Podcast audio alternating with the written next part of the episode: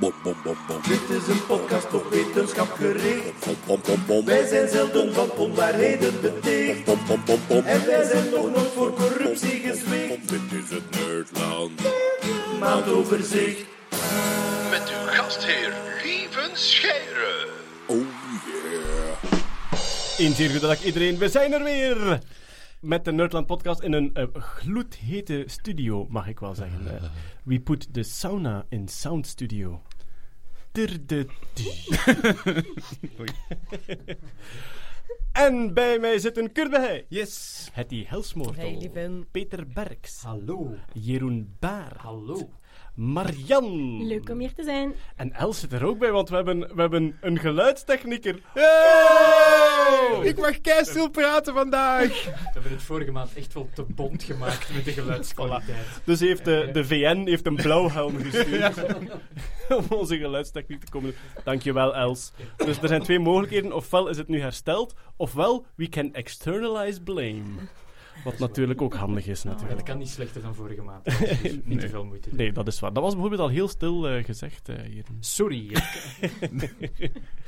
Maar uiteraard is er weer eh, wetenschapsnieuws en er is weer veel wetenschapsnieuws, dus we gaan er doorheen razen. Razen, dat zeg ik. Bijvoorbeeld, er zijn wormen die 42.000 jaar bevroren waren, terug tot leven gekomen. Dus, als ik me niet vergis, was het in Siberië, waren ze eh, permafrost aan het ontdooien en dus, ja... eh, ijs met daarin ja, organismen, dus wormen die 42.000 jaar geleden bevroren werden, die onttooiden, die begonnen rond te kruipen en te eten, zowaar. Peter. Ja, maar je moet er niet te veel bij voorstellen. Het zijn microscopisch kleine wormpjes. Dus van hetzelfde type als de C. elegans, waar Ja. we het af en toe wel eens over hebben. Dus het gaat hem niet over de regenworm die we kennen, maar echt over piepkleine... Dus het zijn hele kleine nematoden. Hè. Maar het is de eerste keer dat men eigenlijk een multicellulair organisme heeft zien overleven in de permafrost. En, en eh, er was wel geweten dat veel van die nematoden dus wel tegen langere perioden van koude kunnen. Maar nu, ja, 40 en duizenden jaren lang, was toch wel een beetje speciaal. Hoe Maar lang, ik heb hoe echt- lang, ah ja, hoe lang Sorry. leven die normaal, Peter, die nematoden? Eh, dat, is, dat is maar eh, een kwestie van een paar weken of maanden. Dat, dat hangt van de soort af. Hè. Ah ja, maar het is dus niet dat er iemand van die nematoden een verjaardagsfeestje aan het kon gestart zijn, dat dan nu, 40.000 jaar later, verder gevierd is. nee, dat dacht ik niet. Maar dat vind, ik, dat vind ik persoonlijk daar wel boeiend aan, als zijnde goed in, in de mate dat zo'n worm bewustzijn heeft. Maar aangezien dat zo'n ding volledig bevroren is, vallen al die hersenprocessen stil. Dus in de perceptie, alweer perceptie is een groot woord voor een worm, maar in de perceptie van die worm is dat gewoon een seconde geleden dat die Ja, bevroren het is. nu morgen. Ja. Ja, maar al- wat ziet hij ook rond zich? Hij is ingeslapen met ijs en nu wordt hij wakker, terug ijs. Het is niet dat er ineens telefoons zijn uitgevonden bij de wormen. Hè. Nee, nee, dat weet ik, maar gewoon, het is, het is niet dat hij wakker wordt. Het is niet dat hij wakker wordt en zegt van, oh, ik heb 42.000 jaar geslapen.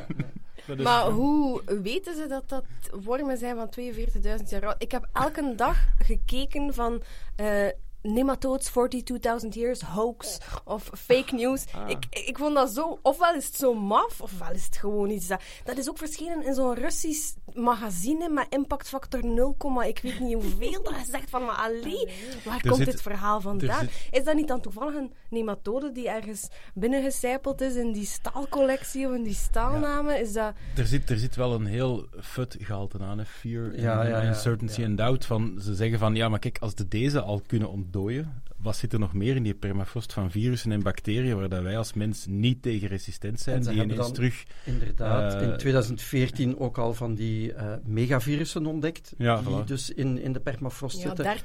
30.000 jaar, hè, Ja, was dat? ja, ja, ja, ja. Een virus, een virus is iets anders. Ja. Dat is Ja, een, een een virus is dan eiwitpakketje. Niet, niet noodzakelijkerwijze gecatalogiseerd, maar dan kijk ik naar die, eh, Als als, levend. levend. Hè, dat zit zo Ja, tussen eh, de twee. misschien wel of misschien Ja. niet. Afhankelijk met wie dat je praat waarschijnlijk. Mhm. Eh, maar, maar het geeft wel te denken over wat er, wat er in die permafrost zit en, en wat er al heel lang in zit en wat er eventueel wel uit zal kunnen komen. En wat Kurt zegt is wel waar. Er zit heel veel eh fearmongering in, in dat soort eh, eh, artikels in, in de media. Zo van, ja, misschien komen de pokken ooit nog wel terug. En Ja. misschien, en ik las zelfs van, misschien zitten er wel ziekten en parasieten in die op de Neandertalers zaten. En die gaan wij nu ook, eh, dat gaan wij nu ook allemaal krijgen. Ehm, daar, wat, dat vind ik nogal een beetje, een beetje te fel met de haren getrokken. Maar het is, het is wel interessant als het inderdaad. En ik, ik, ik, ik volg u daar wel een beetje in, Hetty, dat, dat, dat je toch heel goed moet opletten of dat inderdaad wel klopt wat ze zeggen. Maar ze beweren in het artikel wel dat ze echt wel hebben gekeken naar de datering van die lagen. En, en dat ze ook zei van, ja, we hebben gezien dat de sedimentatie, want het was een sedimentlaag, dat de sedimentatie en het bevriezen tegelijkertijd is gebeurd. Ja. Dus dat weten ze ook. Ja, oké. Maar goed, eh, er, blijft, er blijft nog altijd een, een zekere on, eh, onzekerheid. Het die, tw- het die twijfelt aan de Clade Biological Sciences. dat klinkt toch super betrouwbaar, het die als tijdschrift. De Biological Sciences. En vooral, dat, We make for you science. dat is een tijdschrift dat alleen Engelse vertalingen doet van Russische artikels. Dus, ja. ja. Er, zat, er zat wel een Amerikaan bij donders. Oké, oké. Oké, goed. Als de- dat, als dat iets van mij... het Oost-West-schisma is hier groot. Aha, Het is, Ja. het is hier bijna... onderzoekers zijn Shatilatsovis, Tchetchuzanov, Neretina, Grabarnik, Gubin, Vishnatavskaya, Onstot en Rivkina. Wie van die vijf is Amerikaan? Lateraliseer. Ik voel, ik voel het... Eh, van onder kijken. Ik voel het, het Mpemba-principe bovenkomen. Hè? En Mpemba was een Afrikaanse, Mpemba was een Afrikaanse student die op een bepaald moment tegen zijn professor zei: Hoe komt het dat lauw water sneller bevriest dan, Dan koud water in de ja. diepvries? En die professor zei: van, Ja, dat is toch niet waar? En achteraf heeft hij dat onderzocht, bleek dat wel waar te zijn. En dus het Mpemba-principe is dingen niet geloven omdat ze uit een betrouwbare, onbetrouw of ja, in perceptie Ja. onbetrouwbare bron komen. Dus Ja. Afrikaanse student wordt niet geloofd, Ja. eh, westerse professor wel. Ja. En dus, ja, maar we mogen is- kritisch zijn. hè. Uiteraard, maar ik we, vond... moeten, we moeten kritisch Wat, ik, wat ik een heel boeiende reflex vind van nu is... Uit welk tijdschrift komt het en wat is de impactfactor Ja. daarvan? Ja, maar oké, impactfactor is ook weer een beetje overroepen, maar ik denk dat we niet die kant op gaan, en Marian.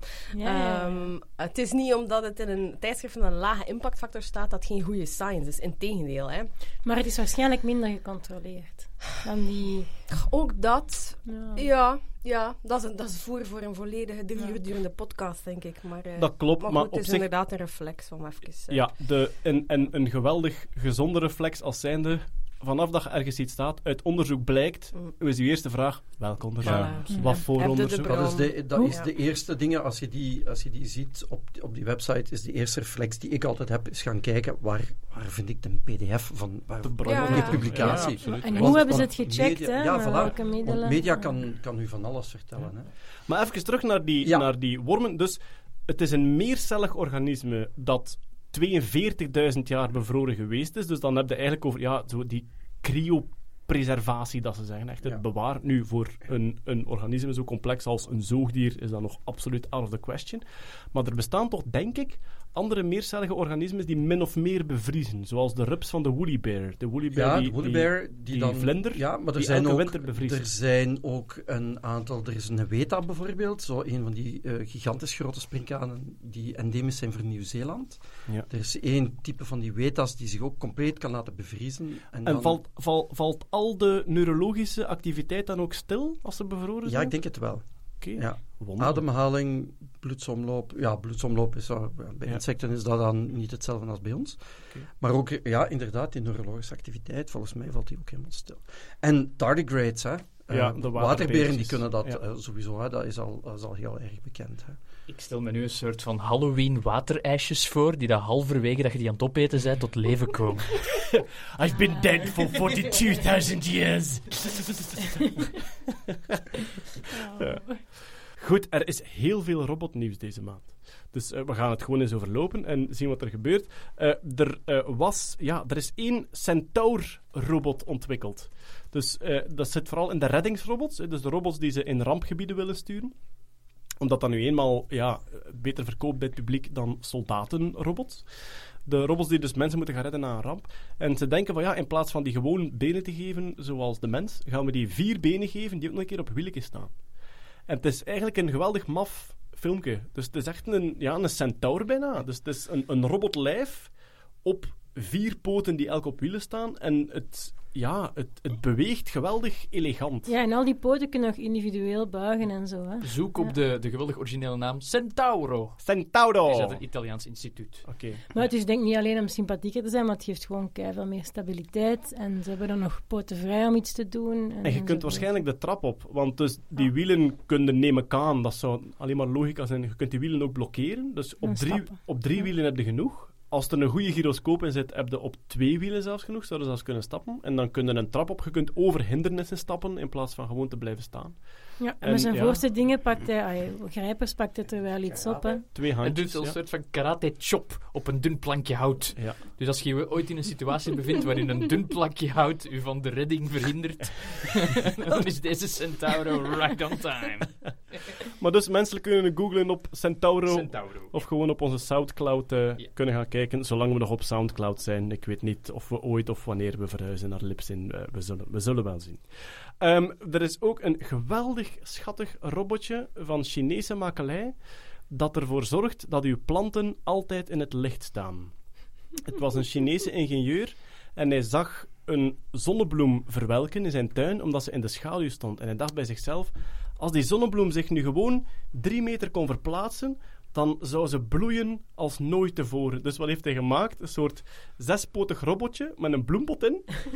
en dat zoekt altijd de zon op. Ah, En eh, waarop moeten de mensen, wat, welk filmpje moeten de mensen zoeken, eh, Jeroen? Eh, Six-legged robot keeping plants alive. Ik ben dus precies Ja, een naam nog aan het zoeken, maar ja, het is echt wel koddig gewoon. Maar het is het is zo'n geweldig. stom idee en zo slim eigenlijk. Maar Volgens ja, mij, voor op het strand, zo mensen die aan het zonnen zijn, als de schaduw van, als de zon op een andere plek gaat staan, Ja. kunnen we ook zo van zo'n bed maken dat de zon volgt. Dat je eigenlijk de Oh. hele tijd aan het zonnen Of je zet er zo'n parasol in. En Of terrastafels. Oh ja. Terrasjes die altijd in de zon staan. Maar het is een geweldig koddig beest. Het is dus eigenlijk gewoon een halve meloen met zes poten met, met een vetplant op zijn kop. En die loopt dus echt, die trippelt naar de zon in, in uw kamer. Die zoekt een hoek met de zon, die trippelt er naartoe. En dan richt hij zijn kop er naartoe dat die plant zoveel mogelijk zon Maar dat is dus alleen voor planten die in de volle zon mogen staan. Maar hij kan ook schaduw zoeken. Echt? Maar ja, zo heb je planten zo met een half zonneke uit Ikea. Maar volgens je kan zo half in de zon gaan staan en half in de volgens mij is dat de volgende stap, dat die gewoon via bioscanners weet welk soort plant dat is. Ja. En dan exact meet, is de grond vochtig Ja, en dan met een timer kennen al, hè. Ja. is, dat, zo is, van- dat niks, is dat niks voor mijn kat? Die, als die dan zo in Je wil een bloempot, op, dan- je wil Ja, een bloempot op je kat zetten. Nee, mijn kat op de bloempot. en dan kan die kat... Gaat die nog luier maken, of wat? Ik heb inderdaad ook zo'n kat. We hadden zo één dakraam, waardoor dat er zo exact ja, 30 centimeter op 50 centimeter zon op de vloer lag. En die kat die verhuisde zo mee. Ja, ja, ja. Dus die kat was een soort zonnewijzer. Je kon zien aan waar die lag in de Hoe living, laat hoe laat dat De was. naam van het robotje is Hexa, ik veronderstel omwille van de zes poten. Hexa. Ja, Ja, oké. Hexa, ja. ja. Maar het, het beweegt uitermate Ik schattig. zie ook een soort van mobiel wietlaboratorium op een of andere manier. Een soort van ongrijpbaar eh mari- marihuana-plantage. De flikken vallen binnen en alle wietplanten lopen weg. Here comes the sun. Dribbel, het iets serieuzere robotnieuws, want dit is wel een heel indrukwekkende. Er is een drone ontwikkeld. Eh, de, ah ja, we kijken nu nog naar een dansje. Dus de Ja, hij robot... kan dansjes, hij kan kan alles. De, plant, de plantenrobot kan ook dansjes doen. Hij kan u ook een pootje geven, trouwens. Oh. Ja, dus de Chinese ingenieur zit er dan voor en steekt zijn twee handen vooruit en dan geeft hij zo echt zo een pootje. Dus het is eigenlijk, eigenlijk is het een huisdier met een ja. vetplant op zijn kop. Dat is Oh. basically wat het is. En ik wil er één. Kost Ja, een ja. prijs. Ik- Het is nu nog prototype, dus er is nog geen, nog geen prijs ontwikkeld. Maar we gaan naar het volgende robotica-dingetje en dat is eh, eh, een stuk serieuzer en ook wel echt indrukwekkend. De Dragon Drone. Het is een drone die er compleet anders uitziet dan de klassieke drone.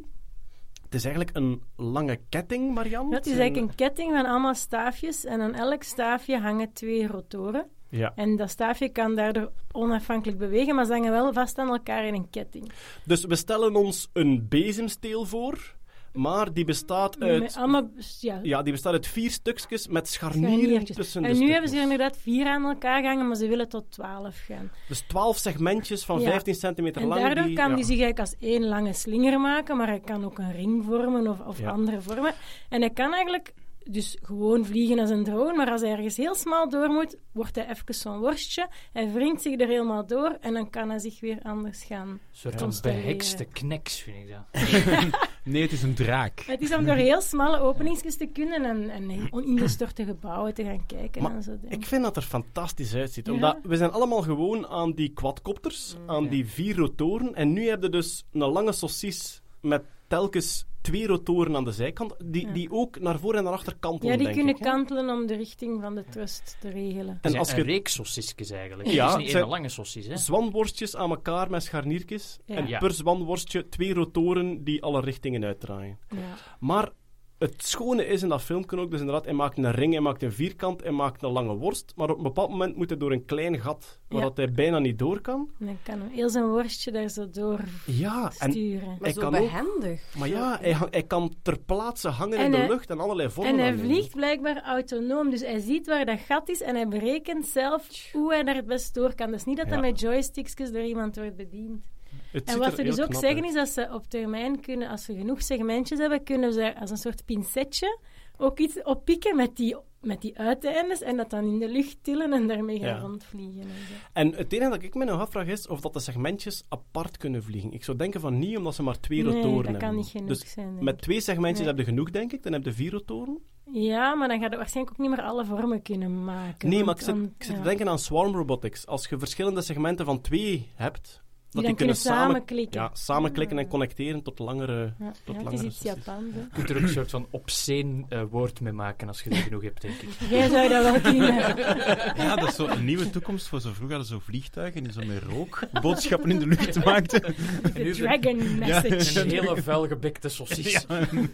Nu, terwijl je het uitspreekt, Kurt, swarm robots die uw logo boven het strand komen hangen, ja, het komt er toch ooit. Natuurlijk. Maar ja, ja. Disney die geven nu al van die lichtshows gewoon volledig met drones. En ik denk dat die Ja. duizend drones of zo de lucht insturen. Die hebben allemaal kleuren ledjes en die vormen ook woorden en vlaggen en De cover van. Time eh, twee Ja, maanden voilà. geleden waren ook Ja, ja. eh, honderdtal drones gesponsord door Intel, eh, denk ik. Nou, Ja, ja. hier is, deze is ook met Intel cores. ja en, en drones vallen staatshoofden aan ook, Ja. sinds kort. Ja. als Er het, is, er is als het waar is tenminste, want dat is dubbel, hè. Wel, rustig daar, Alex Jones. Dus, ja, wacht, wacht, wacht. We gaan, eh, we gaan het voor de mensen die het niet gevolgd hebben even recapituleren. Dus, eh, hoe heet hij? Maduro is het? Ja, president Maduro. Staatshoofd van Venezuela was een toespraak aan het geven. Opeens was er een ontploffing Ja. en paniek. En dus eh, de officiële versie is dat er twee drones waren met explosieven die naar het staatshoofd gevlogen waren eh, om hem aan te vallen. Ehm, dat zou dan de eerste droneaanval met explosieven zijn op een staatshoofd. Ehm, ergens heel cynisch zou ik denken, het heeft lang geduurd. Want een drone met, Mhm. explosie ja, een drone Ja, met explosieven ligt zodanig voor de hand. Ehm, maar zoals het wel vaker gaat als het gaat over Venezuela tegenover de Verenigde Staten, zijn er allerlei versies, waaronder het was een gasontploffing en het was een mediadrone. Ah, Het is Peter, ondertussen bevestigd. Ik Is las het? Ja, eh, ja. ik denk eh, deze namiddag. De, de journalistensite Bellingcat die hebben bevestigd dat het inderdaad, die hadden videobeelden geanalyseerd en die hadden gezien dat het inderdaad twee drones waren. Oké, het waren drones, maar Ja. waren het ook echt ehm, assassination Ja, drones? dus er is, er zij, zij bevestigen niet dat het een, dat de Maduro het doel was. Oké. Maar het waren dus wel degelijk twee drones Met geladen met explosieven. Oké, ja, ja. die in de buurt daar zijn tot ontploffing gebracht. Ja, ja, ja. Volgens Reuters is een van de twee drones, of course, ge- geklopt elektronisch door het Venezolaanse leger. Dus dan spreken we al over een soort van elektromagnetische golven om zo'n drone Ja. uit de lucht te krijgen, een Ja. jammer. En een andere is tegen een apart, appartementsgebouw gekwakt. We're jamming. Ja, ja. Twee jamming drones, elk met the 4 way. kilogram plastic explosieven. Dus ja, Semtex waarschijnlijk of zo eraan. De, re- de reactie van Maduro is... The drone came after me, but there was a shield of love that always protects me. Oké. Hmm. Ja, he's done for. Ja. Eh, I'm Ik sure hoop- to live for many more years. Ik hoop dat Maduro eh, de, het energieprobleem in Venezuela oplost door een gigantische dam te bouwen. En die dan de Maduro-dam noemt.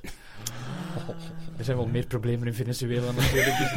Vandaar waarschijnlijk ook het, het internationale cynisme, omdat Venezuela wel wat afleiding kan gebruiken van de 20.000 dingen die er mislopen. Die Ja, hebben onder, ja. onder andere hun munt, om die niet te laten devalueren, hebben ze gezegd van, goh, we gaan wat nullen schrappen van alle bedragen. Ah, ja, dat is juist. Klaar. 5-0? Hij heeft nul. 5-0 schrappen. Ah, dat is tof. Ja. Dat is wat elke maand met mijn bankrekening gebeurt, eigenlijk. 5 nullen die Elke verdwijnen. maand vijf nullen Ja. minder. Ja, ik- eh, dat is niet slecht. Jij werkt bij de VTM zeker? Money. Ik reken nog in Belgische franken. Okidoki, bomma. Terwijl als ik een probleem zou hebben met mijn munt, zou ik gewoon John McAfee bellen en dan was alles opgelost. Straks. Straks. Ja, straks. Ja, voilà. Oké, maar dus die Dragon Drone ziet er echt wel, Cool, hij ziet er ja. echt wel fantastisch uit. Eh, nog robotnieuwsjes. Ehm, er is een eh, hand ontwikkeld, dus enkel een hand met vijf vingers, die via artificial intelligence of via machine learning geleerd heeft om een kubus vast te houden, dus een blokje met letters op, en dat ook met de juiste kant naar boven te draaien. Maar de manier waarop die hand beweegt is zo organisch. Je ziet echt zo, een, je ziet echt zo vingers die aan het voelen zijn en zichzelf aan het corrigeren zijn. Wat typisch, ja, wat typisch is voor die eh, genetic programming en die, en die machine learning ervan. En dus de hand krijgt constant opdrachten van draai nu het blokje met de gele kant naar boven, draai nu het blokje met de blauwe kant naar boven. En je ziet die eigenlijk zoeken zoals een, een kindje van, ja, laten we zeggen, zeven jaar, die probeert om dat in de vingers te krijgen, letterlijk dan. Dit is ook weer iets heel visueels, denk ik. Voor de mensen die aan het luisteren zijn, ook zeker dit filmpje opzoeken. Want ja, een, robot, robothand die de juiste kant naar boven eh, draait, poehoehoe. Ja. Eh, maar eh, ja, Het is, het is visueel boeiend, dus als je in de auto luistert, moet je nu heel veel opschrijven om later op te zoeken, Ja. of gewoon gaan kijken op de Soundcloud-dingen. of Maar, tegen ja. uw chauffeur zeggen dat hij moet overnemen. Maar wat ik, wat ik heel cool vind, is al die AI-zaken en ook de deze, die leren tegenwoordig niet meer door het trial and error het te doen en daarmee hun neuraal netwerk te verbeteren. Die leren eigenlijk in simulatie. Dus dit heeft eigenlijk 50.000 uren van blokjes draaien gesimuleerd. Ja. Daar verschillende dingen geprobeerd en op termijn eigenlijk geleerd dat de manier waarop hij nu beweegt, dat er voor ons heel natuurlijk uitziet, de meest efficiënte en interessante was. En dan hebben ze dat ding in het echt geprogrammeerd naar wat hij heeft geleerd uit simulaties. En het kon het gewoon. Dus die simulaties zijn niet fysiek. Zijn... Nee, dus ze hebben natuurlijk het hele ja. fysieke model, hoe dat een, de hand kan bewegen en hoe dat het blokje zou reageren, hebben ze in modellen gegoten. Daarop hebben ze geleerd en dan beginnen ze dat in het echt te gebruiken en het werkt. Maar uw simulatie moet zodanig goed zijn, Mm, omdat ja. de, de, de, tik Ah, ja. van, de tik van een vinger, of dat die een millimeter hoger of lager is, en hoe dat in een blok reageert, moet zodanig exact goed zijn, Ja. dat die leerervaring correct is natuurlijk. Ja, maar daar beginnen ze heel hard op in te zetten. En waar dat we dat ook heel hard zien nu, zijn die zelfrijdende wagens. We hebben de laatste tijd zoveel ehm, zelfrijdende auto's die dan iets misdoen en accidenten hebben, dat die automakers schrik krijgen om nog veel wegtesten te doen. En die zijn meer en meer aan het investeren in weet virtueel leren, virtuele testen, virtuele eh, rijuren opbouwen. En inderdaad, bedrijven die ehm, zeer realistische omgevingen, fysische omgevingen nabootsen, die schieten als paddenstoelen uit de grond. Maar dat, dat, dat vond ik het meest intrigerende zinnetje uit dat artikel van die robothand. Er stond, de robothand heeft 50 jaar geoefend in drie maand tijd. Mm. Ah ja. En is echt zo, wauw. Omdat inderdaad, die simulatie kan zoveel sneller lopen.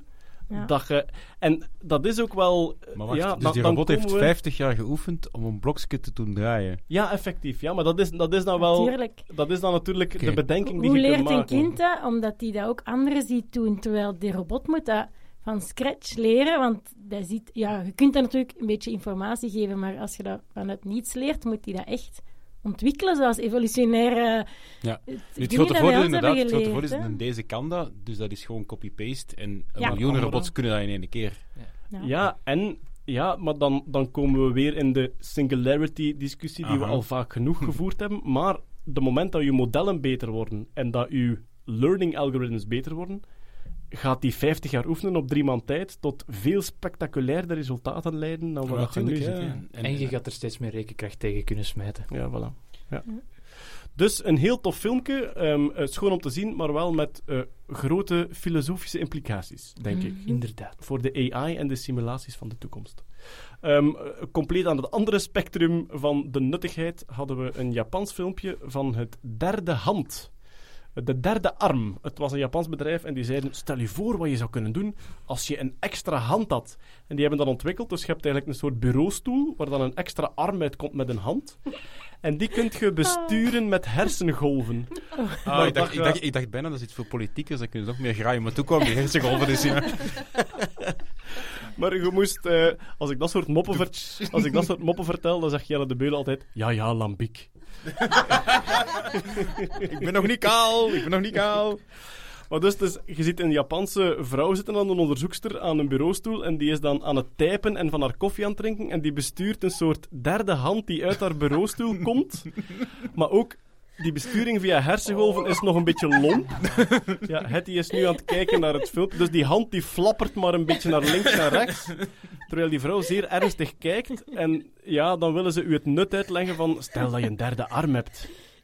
Ik denk dat dit... kan meer flapperen. Maar iedereen, iedereen denkt toch, wat zou je doen als je een derde arm hebt? Ik ben Ja. niet de enige die... nou ja, Iedereen, vooral mannen, ik- denken, ja, ja, aan één ding. Ja, dat zeker is op het internet ja. ja. stellen. Hè. Dus uw vraag is, waarom zit een arm boven een bureau? Ja, dat is Ja, eigenlijk... doet mij denken aan zo. Je hebt zo vaak in films zo de visuele gag van iemand die een telefoon aan het vasthouden is met een valse arm. Ja. En dat je dan een extra arm vrij hebt om, eh, laten we zeggen, de superheld te verrassen. Zo van, ah, zijn twee handen liggen boven op een bureau. Hij kan geen wapen niet meer vasthouden. Haha, Mr. Bond, die arm is vals. Tjak, daar denk ik eerder aan. Terwijl Dus- als de superheld een 16 of 17-jarige is, dat, ja, dat de slechterik gewoon er, er wel waarschijnlijk mee Ik kom weg straks even terug. Nee, maar ik zou Hij inderdaad... schiet wel, maar op andere wijze, Jeroen. Ik zou, die, ik zou die een arm, ik zou die inderdaad eerder gebruiken om als Sneak. Vertel het maar. sneaky... Ja, nee, ik zou, ik, zou, ik zou doen alsof ik twee armen heb en die derde arm pas revealen vanaf dat dat een voordeel is voor mij. Ik zou die niet constant gebruiken. Ah, Ja. you don't want your enemies to know you have Inderdaad, third arm. ja. ja. Ah, oké. Ja. Goed, maar dus de derde arm, wie hem wil, hij is beschikbaar in Japan. Of je er iets mee kunt, eh, dat weten we nog niet. En dan, eh, laatste robotnieuwsje, de RoboRace, dus de, de RoboRacer, namelijk de Formule 1-auto zonder chauffeur, heeft zijn eerste races gereden. Het ging hem over een soort eh, speed festival in Engeland, waar dat ze een eh, berg oprijden. En dus dat zijn zowel menselijke chauffeurs. En ze hebben elke dag drie keer met die RoboRacer ook volledig individueel die een berg opgereden. Nu, ik heb de filmpjes gezien, de snelheid was nog niet echt ehm, gigantisch. Het was al eh, sneller dan toegelaten, denk ik, maar het was nog niet echt Formule 1 snelheid. Maar dus die RoboRacer, die is in volle ontwikkeling en die, eh, ja, die... eh, Dat, is wel, dat is wel goed, want dan kan Michael Schumacher terug meedoen, want die is ook 90% machine nu. Zijn zoon heeft een wedstrijd gewonnen in Spa-Francorchamps. Ah, dat wist ik niet. Ja, zijn zoon rijdt nu Formule 3 en heeft in Spa zijn eerste wedstrijd gewonnen. Hoe werkt dat Formule 3? Is dat trager? Of is dat... Ik denk het wel. Dat, Minder dat, geld. dat zijn gelijkaardige auto's, gelijkaardig van model, maar ik neem aan met minder krachtige motoren. Oh, ja. Maar ik vind wel, op zich vind ik een heel poëtisch doel om zo Michael Schumacher aan de beademingsmachine in zo'n roboracer te zetten, zijn eigen records breken. Ja. I feel really happy right now. Hoe gaat het eruit? Je kan niet eigenlijk babbelen, Michael Schumacher, even tussen. Maar er is grote geheimhouding. Dus Ja. eh, ze weten dat hij eh, wakker is en hij wordt verzorgd in een kliniek in Zwitserland. Zwitserland. Ja. Maar er is complete geheimhouding over wat zijn toestand is, wat hij wel of niet kan. Dat, eh, allee, dat wordt volledig buiten Dat de... gaat dan niet goed zijn, hè. Die- Ja, waarschijnlijk niet. Ja. Waarschijnlijk niet. Sorry, ik heb de sfeer hier een beetje naar beneden gehaald door, door over Michael Schumacher te beginnen. Ja, Maar maar- Het is nog altijd een groot man, hè? Maar- Allee, ik wil er niet... Mijn emotionele connectie met Michael Schumacher is niet zo groot. Ik gun hem van alles, hè, maar ik heb er niet echt een... eh, nee. Maar Is was je dan zo specifiek aan deze roborace? Want ze zijn daar toch al langer mee bezig met auto's autonoom op racecircuits te laten rijden? Maar niet op, niet op die manier. Ik bedoel, dit is, echt, dit is echt een auto die zelfs gebouwd is om zonder... Dus er is geen plek voor een chauffeur. Ah, oké, oké. Hè, Het is geen echt- getunede auto om Nee, te nee oké. het, is, het is echt gewoon een, een race... Je kunt er dus- niet meer in zitten. Nee. Oké, ja. Dus je hebt een ingenieur en die denkt... dus een ingenieur die een Formule 1-auto bouwt, die maakt dat ding zo efficiënt mogelijk met het jammere feit dat daar een gigantische biologische spons in zit. Ja, om en veiligheidsgewijs een aantal Voilà. compromissen en zo. En dus die roboracer is exact hetzelfde, maar dan zonder te denken aan... Er moet een mens in. Maar er is ook geen ingrijpen van op afstand. Nee, nee, is echt alle beslissingen Is zelf er, is er een nemen. robo-pitstop? Want dat moet wel cool zijn om te zien. Maar echt ook robots die Ja, band... robots, die, hadden- die een chip eruit halen en een nieuwe chip erin of zo. En de prijs wordt gegeven door van die robotmeisjes. hè. Op het einde. Opgeblind kroom. Ja, ja. Hoe zie je het verschil eigenlijk? Ja. Robotjongens of meisjes? Oh. Ja. Bouten en moer. Dat is een vijfje minder. Bouten en moer. Bouten en moer. Ja. Goed, dat was het robotnieuws. Ehm, we gaan de ruimte in, want het was wel een klepper deze maand. Er is hoogstwaarschijnlijk vloeibaar water op Mars. Dus het, is, het gaat hem over een eh, observatie van Marsis. En Marsis is een onderdeel van een Europese satelliet die al jarenlang rond Mars draait. En wat hij eigenlijk doet is... die stuurt radarsignalen naar het oppervlak en die probeert dan uit de weerkaatsing af te lezen. Dus sommige van die radarsignalen gaan dieper dan de bodem en probeert uit die weerkaatsing af te leiden wat er allemaal onder het oppervlak zit. Wat dat ook gebruikt wordt eh, hier op aarde, om archeologie te doen zonder dat je dingen moet opgraven. Er is een, één Belgische onderzoeker die daar de volledige site van Stonehenge mee onderzocht heeft ook. En dus, ja, die, dus, maar goed, die satelliet hangt wel natuurlijk in een, in een baan, hè, dus die hangt geweldig hoog boven het oppervlak en die stuurt dan signaal naar beneden. En uit de reflectie hebben ze nu met grote waarschijnlijkheid afgeleid dat er dus een meer van vloeibaar water onder de ijskap op de Mars-Zuidpool zou De liggen. letterlijke woorden van de Italiaanse onderzoeker, want het waren weer Italianen. Het is echt Veel ja, Italiaans veel nieuws, Italiaans eh, nieuws. ja. is. En, en die zei van, ja, ik, we zien een grote reflectie, een groot wit vlak op die, die beelden dat we eruit krijgen. En ik weet niet wat het anders zou kunnen zijn dan water. Ja, het is dat. Het is Ja. wel- Ah, wel, maar dus...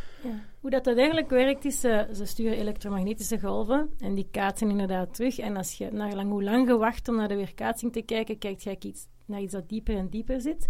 Ah, En dus dan- als een, als een als het langere... direct terugkaatst, of de, de golven Ja. die eerst terugkaatsen, komen van het oppervlak en die iets later terugkaatsen en dus later in de tijd aankomen, komen van dieper. En dan kijk heeft een je... langere afstand afgelegd. Ja, Maar dat vind ik daar ook weer eh, elektronisch zo wonderlijk aan. We hebben het hier over de snelheid van het licht ja, ja, je moet En- een heel fijne tijdsresolutie en kijken. afstandsverschillen van meters. Dus die, die, ja, die, ik denk timing dat het wel daarvan. bijna een mijl onder het oppervlak was, die, dat water dan. Maar wat ze dan eigenlijk is, hoeveel komt er terug? Want als je, afhankelijk van het materiaal waar het op weerkaatst, gaat er meer of minder straling weerkaatst worden. Dat is een beetje zoals bij echografie, hè, hoe Ja. dat je met ultrasoundgolven, die weerkaatsing, zie je ook de baby in de buik. Is het te vergelijken met een MRI in een ziekenhuis of niet?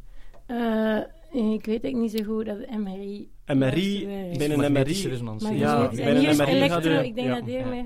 Want is de elekt en eigenlijk hoeveel er weerkaatst wordt, hangt af van de elektrische permittiviteit, of die elektrische permittiviteit van het Maar eigenlijk materiaal. dus, bij een MRI-scan gaat je uw materie zelf nog magnetisch beïnvloeden. Juist, Terwijl ja, die is- radar is echt zuiver weerkaatsing op de... Maar wat is eigenlijk het probleem, of waarom zeggen ze waarschijnlijk is het water? Normaal kunnen ze aan het hoeveelheid licht dat, of eh, golven die terugkomen ehm, weten hoeveel is er weerkaatst, hoeveel procent kwam er terug. Alleen moet je dan ook weten hoeveel heb ik uitgezonden. Als je dat weet, ik zend x uit, er komt 2% terug, dan weet ik die permittiviteit van dat materiaal en dan kan ik ook weten welk materiaal was dat. Maar nu weten ze niet hoeveel ze hebben uitgezonden, want die zender is niet gekalibreerd. Oei. Dus ik Ja. zend iets uit, ik krijg zoveel straling terug.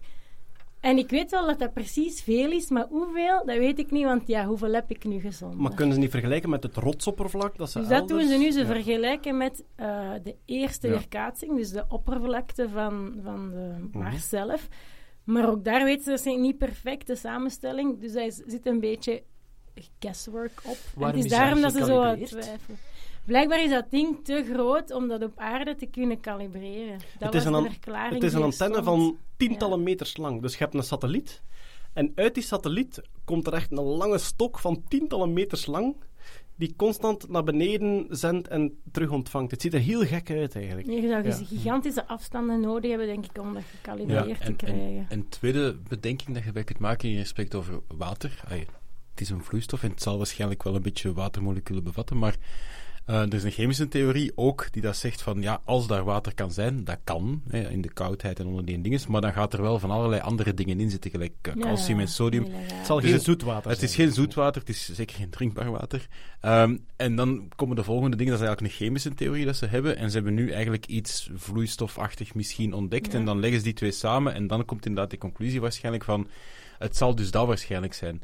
Maar Ja. het water op Mars is dan de kop dat aan de pers eraan geeft. Er zijn nog wel nuances in te brengen, absoluut. Er zijn nuances, maar persoonlijk vond ik, want ik heb het interview met de wetenschappers zelf ook gelezen, en persoonlijk vond ik hen wel daar redelijk correct in. Als zijnde, Ja. zij zeggen heel duidelijk, we zijn niet 100% Nee, zeker. voilà, is dat, hè, ja. Maar ze hebben gelijkaardige reflectiesignalen, bijvoorbeeld op ijskappen in Groenland, op Ja, andere het is plekken. dat. Dus Ja. ze, ze, Ja. ze zien een signaal dat voor hen zeer goed overeenkomt met vloeibaar water onder een ijskap.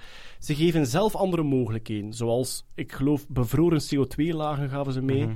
Maar, zeggen ze, al onze alternatieven komen minder goed overeen met onze data dan dat water. Dus met een grote waarschijnlijkheid, maar verre van een zekerheid, zeggen wij vloeibaar water. En dan komt, in de, vraag, dan komt de vraag inderdaad, hoe komt het dat een kilometer en een half onder het ijsoppervlak er toch vloeibaar water is, terwijl dat het daar vele tientallen graden onder nul is. En dan zijn er verschillende theorieën. Ofwel heel erg zout, Calcium, ofwel... ja. Ja, zij spraken ook van een mogelijkheid van eh, warmwaterbronnen. Eh, ja, bon, dat is allemaal giswerk. Maar de volgende stap zal dan waarschijnlijk zijn ten eerste bevestiging Boren. zoeken. Wat- Maar, maar effectief? Ja, effectief? wat, wat ik En dat brengt ons bij... Bij?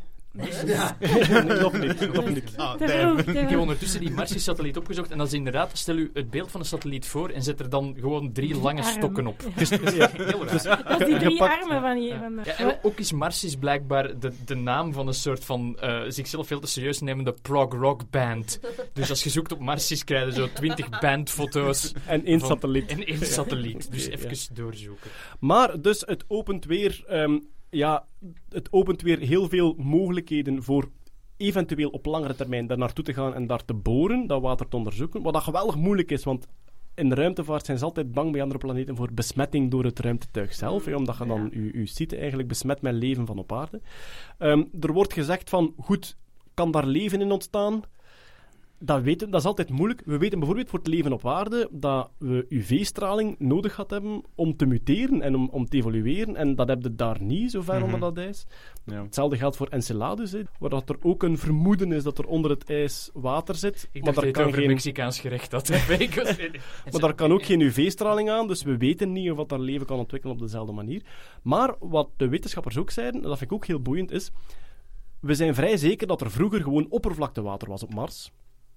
En stel dat dat oppervlaktewater in contact gekomen is met die onderijslaag, zou het kunnen dat je daar een soort tijdcapsule hebt. Namelijk dat daar iets bewaard gebleven is van heel lang geleden, toen er nog oppervlaktewater was. Wormen.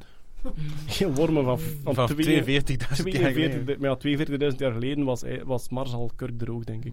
Ja, Dus ze gaan het langer moeten uitgehouden Ik vond het grappig dat dat nieuws kwam letterlijk in het midden van die, die hittegolf die we hier gehad hadden. En dat dat echt zo tot de warmste dag gewacht. Om dan te zeggen van, er is water gevonden. En Elon Musk, we're going to Mars. we're gonna get that water. Ja. Oké, ik denk dat het tijd is voor een beetje CRISPR-nieuws. Eh, er was weer wat CRISPR-nieuws. Ik heb eh, drie nieuwsjes staan. En eh, goh, de eerste was eigenlijk dat we nu kanker kunnen gebruiken om kanker te bestrijden. eh Hetty. Ja. Goh, dat is eh, werk dat natuurlijk al, al lang aan de gang is. Maar er was een leuke publicatie deze maand. Het is vrij technisch. Ik zal mijn best doen om jullie daar eventjes door te loodsen. Ehm, kankercellen, die hebben eigenlijk de, de leuke eh, eigenschap dat zij... ja, Oké. Allee, we- ja. dat is gewoon... Het nieuwste boek van Hetty Hilsmoortel. Wat is er leuk aan kanker? Mijn vriend, kanker. dat ze kunnen. Ze, eh, ze noemen dat homing in. Dat ze eigenlijk kunnen, als ze circuleren in het lichaam, hè, dan vormen ze onder andere metastasen. Dat zijn uitzaaiingen op andere plekken dan waar dat het primaire tumor zit. Maar eh, sommige van die cellen die kunnen ook terug ehm, naar de originele plaats waar dat ze ooit ontstaan zijn. En het is van die homing-in-eigenschap dat ze nu eigenlijk gebruik gemaakt hebben. Dus wat, wat ze gedaan hebben bij muizen. Even eh, wel muis, muis, muis. Dus dat, dat de vind ik mens leuk. ligt nog fel. Je bent de zieligste kliniekclown ooit. je cellen, die kunnen teruggaan. Dat is eigenlijk, is dus eigenlijk kanker heeft heimwee. En kanker heeft hij mee, dat stond daarbij. Ja. Dus als ik oké. ooit leverkanker gehad heb en die is uitgespreid, willen die kankercellen terug naar... Ah, dit is waar het allemaal begon. Ja. Wel. Dit is waar het allemaal begon. Maar het mooie daaraan is dat je die cellen kunt zodanig wijzigen dat ze eigenlijk eh, kill signals kunnen uitsturen naar die plaats waar ze vandaan komen. Dat is dan voor de, voor de T-cellen of voor de witte bloedcellen? Nee, nee, nee, nee, nee. Dus de kankercellen zelf, daar wordt een, een, een nieuw gen ingestoken. Ja. wordt eigenlijk een... een eh, ze, ja, ze noemen dat een ligand. Hè? Een ligand, dat is iets wat bindt op een receptor. Een receptor staat altijd op een oppervlak van een cel. De celwand is dat Ja, dan? ja, Ja, je hebt heel veel liganden. En een van die liganden die ze hier nu getest hebben, dat is een, een ligand dat bindt op een receptor. Vanaf, dat is een beetje het sleutel-slot-principe. Hè? Vanaf dat je eigenlijk een, een match hebt tussen de twee, wordt er een, een enorme pathway in gang gezet binnen in die cel.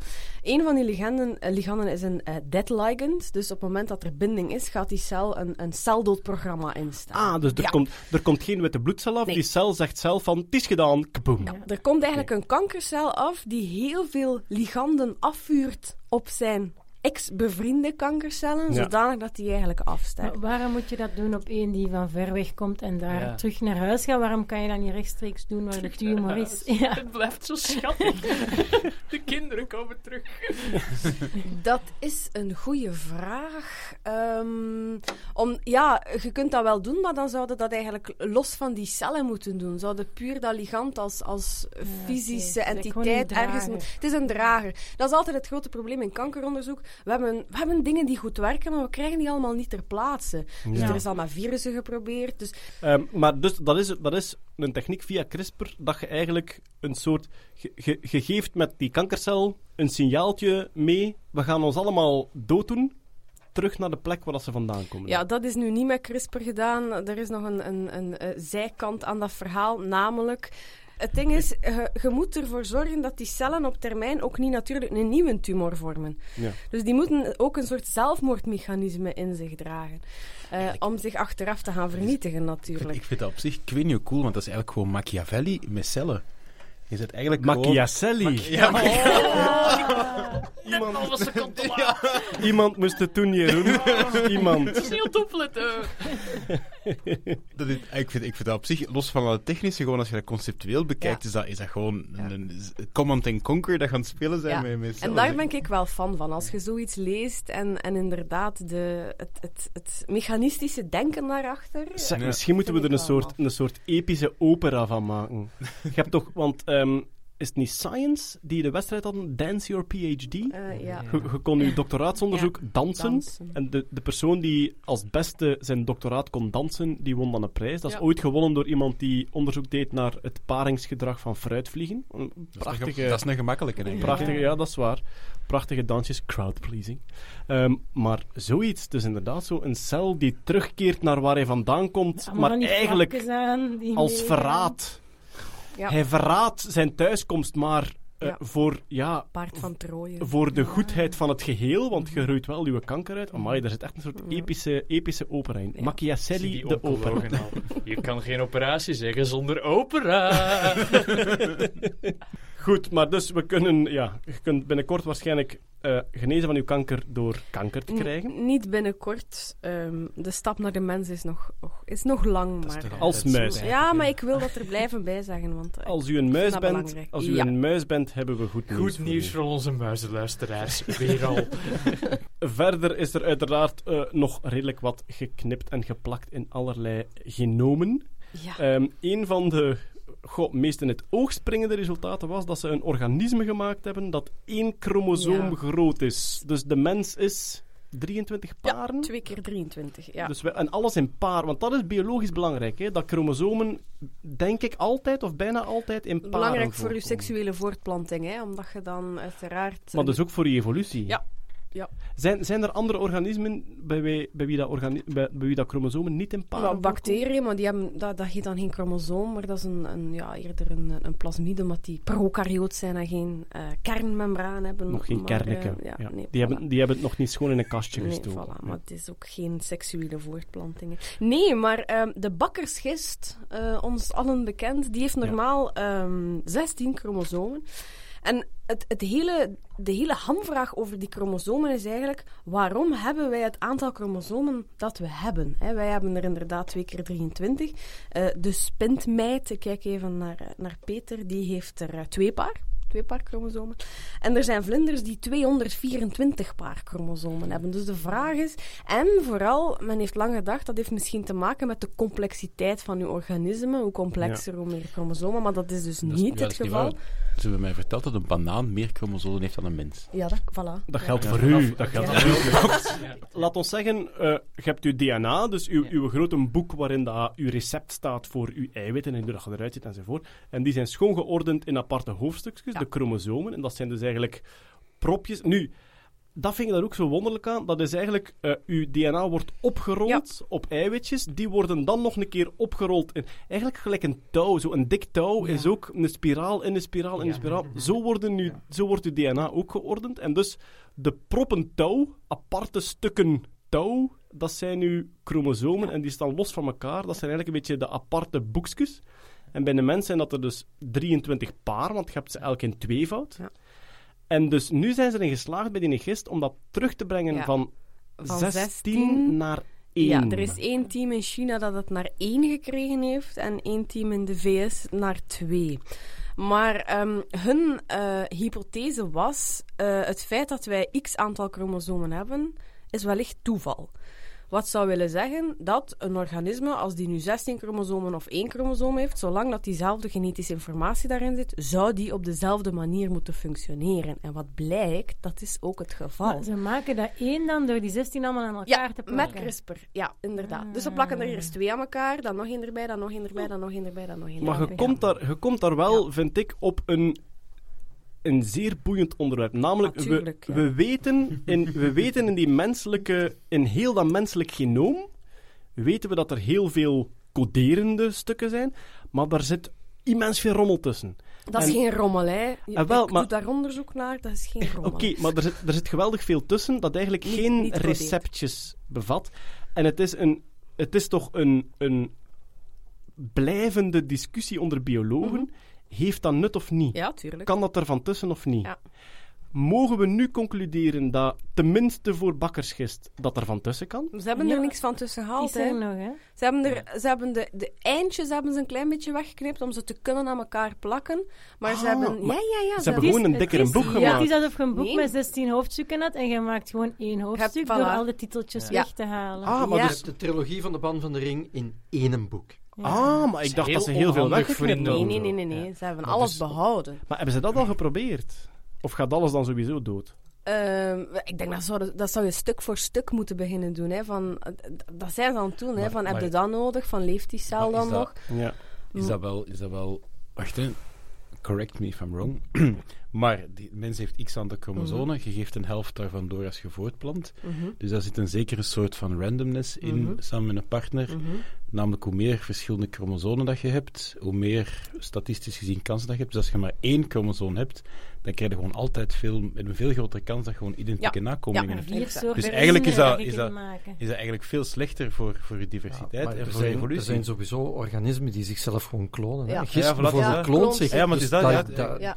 die, Ja, die, die hebben die randomness Gist niet heeft nodig. een seksuele en een asexuele Ja, voilà. cyclus. Hè. En, ja. Maar- elk, elk systeem heeft zijn Ik voordelen. was gewoon aan de mens aan het denken, van dat inderdaad... Hè, het, Maar goed. voordeel, het voordeel van de seksuele voortplanting is dat je die, dat je die shuffle hebt. Ah ja, dat dat de kaarten ja, altijd ja, worden. ja, ja. Er zijn Maar- nog voordelen, maar... eh, Ah ja, En vertel. voordeel, maar, maar, maar dit organisme is niet gebouwd om zich voor te planten, ik aan. Dat is Wel, gewoon... het plant zich voort. Hè. Dus ze hadden verwacht van zelfs, dat, dat zelfs zal... met één chromosoom. Dat zal doodgaan, of dat zal dit niet kunnen, of dat zal trager groeien. Maar die, die verschillen met de gewone gist, die blijken zeer minimaal. Die met Allee. twee chromosomen, die is quasi gelijk. Die met één chromosoom, die is een beetje trager en alles. Ehm, ja. Want dat vind, ik- dat vind ik toch ook... Welkom bij de Nerdland Podcast, waar we het al vijf minuten hebben over de seksuele activiteit van gist. En de Het is voor mij asexuele. allemaal om teven, zolang als die gist maar alcohol blijft. Er zit een stoker aan tafel, hè. Een stokerke. Ik, er is voor u nog eh, werk bij de NVA, denk ik. Als je een beetje kunt stoken.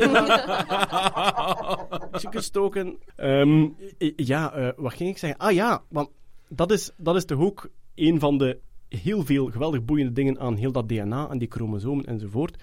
Ehm, het feit of dat je het in meer of minder hoofdstukken ordent, maakt heel duidelijk uit. Want bij de mens, als je trisomieën hebt, als je van Mhm. bepaalde chromosomen drie kopieën hebt in plaats van twee, Mhm. heb je exact dezelfde Ja. informatie, Ja.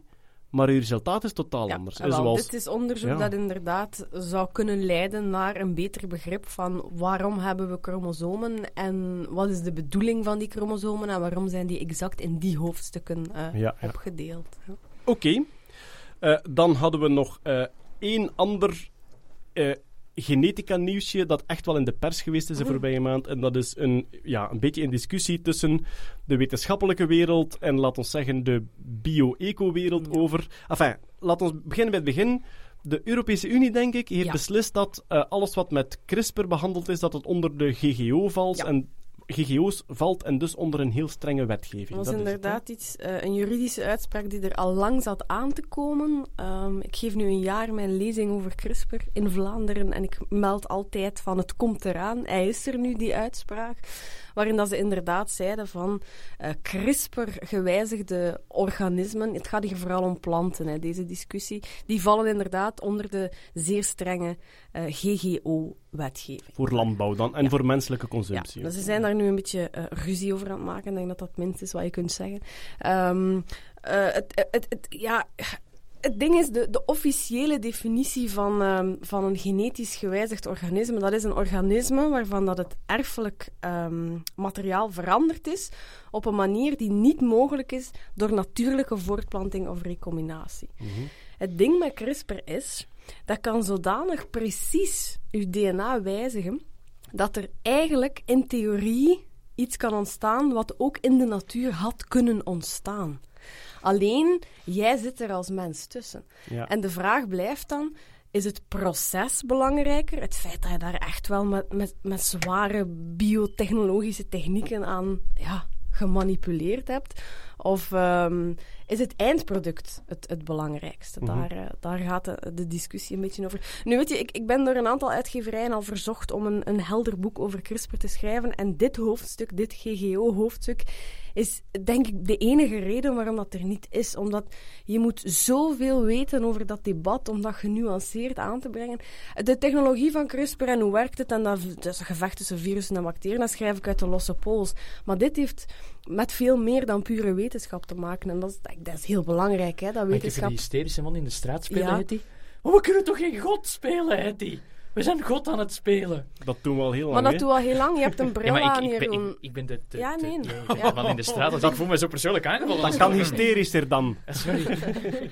Nee, maar goed. ehm, Sorry, ik heb Hetty Ik- onderbroken. ik, Nee, maar, maar ik denk, dit is, dit is typisch een van de momenten, een van de vele momenten, waarin ideologie Ja. binnenkomt in het Ja. debat. En ik denk persoonlijk dat als het gaat over exacte wetenschappen en hoe werkt het, wat kan er wel, wat kan er niet, dat ideologie daar een ander spectrum van is. Een zeer belangrijk spectrum, Ja, want we gaan, niet, absoluut. we gaan niet zomaar testen wat we willen. Nee. Maar op zich, als, als, als de vraag is, hoe werkt het? Wat kan er fout gaan en wat kan er niet fout Mhm. gaan? Dat wordt niet Mhm. beïnvloed door ideologie. Onze vraag, welk risico willen we aanvaarden en welk niet? Wel. Maar je merkt altijd, Mhm. als, de als de discussie ideologisch wordt, Ja.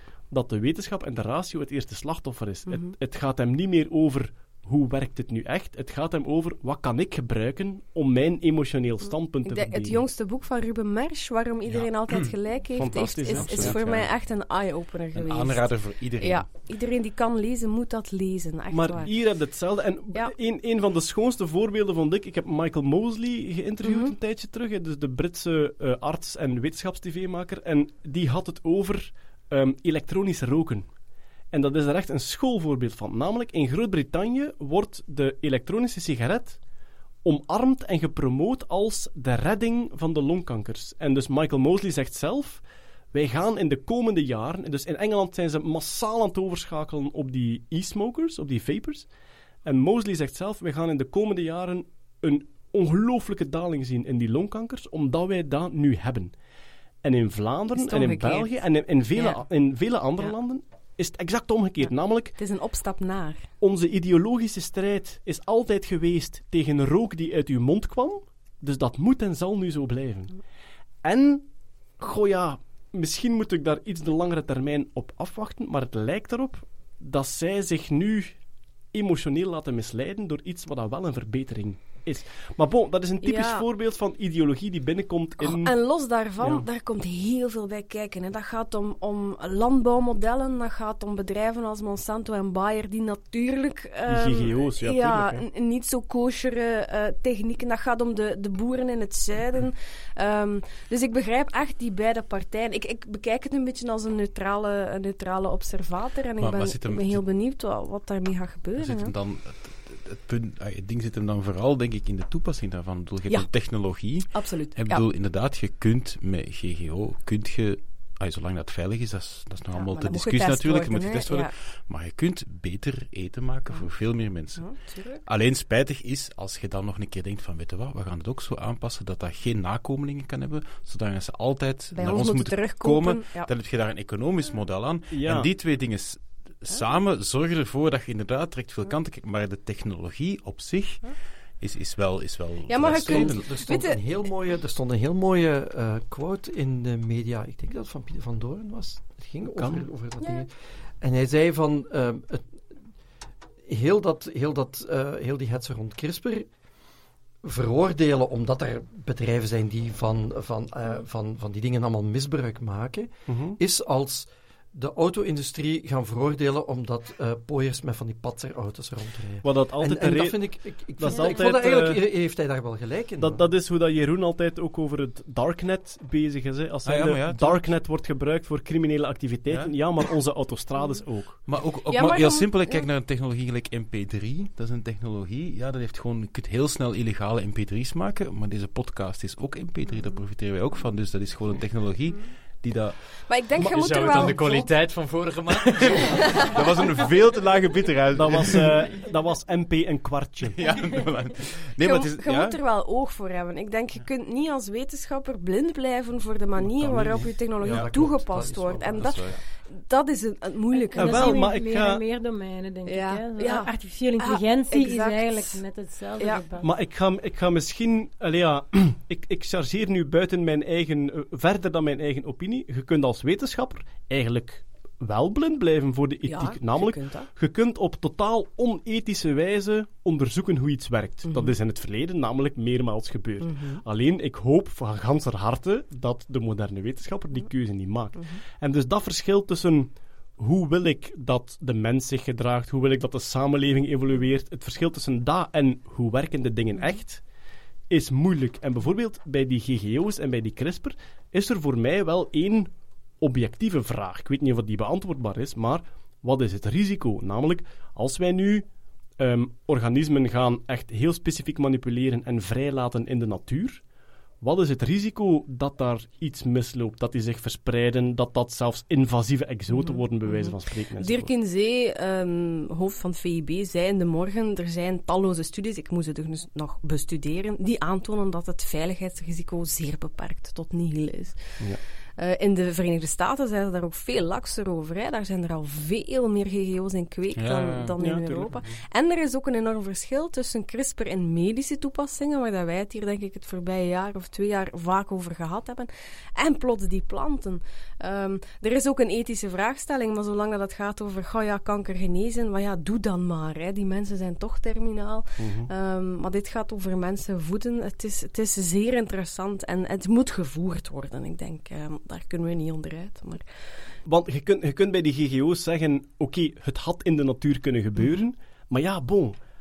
Als je met 100 dobbelstenen gooit, had het ook 100 keer 6 kunnen zijn. Ja, ja, maar het feit dat je ze allemaal op hun kant legt, is iets anders. Ik wil, ik wil maar zeggen: ebola had ook biologisch kunnen... Ja, meer bepaald, het is biologisch Mhm. ontstaan. Maar als je het elke dag biologisch creëert, ja, is het wel iets Tuurlijk, anders. tuur- ja, absoluut. En daar heb je weer die discussie tussen. Gaat het over het proces of het product? Wat ik wel nog even wil zeggen, eh, in de jaren 20, 30, 40 enzovoort van de vorige eeuw, toen men begon te beseffen van, ah, DNA bestaat en onze genen beïnvloeden de kenmerken van die planten, zijn ze massaal zaden beginnen bestralen en Ja. met chemicaliën beginnen behandelen, zodanig dat die weet ik veel, tientallen, honderden mutaties opliepen. Ze lieten die uitgroeien. Ah, diegene die net iets grotere of iets rodere tomaten had, die gingen ze verder kruisen. Maar je nam wel heel veel mutaties mee waar je niet van wist. En die vallen nu niet onder die GGO-regelgeving. Maar- dat klopt, maar, maar dan ze- zou je kunnen zeggen, je hebt die 100 dobbelstenen, in plaats van ze allemaal op nummer 6 te draaien, schudden ze gewoon allemaal tegelijk en je kijkt waar je het hoogste aantal hebt. Dus het is zo wat de discussie wat dat er het schadelijkst is. Ja, natuurlijk. maar je neemt wel heel veel dingen mee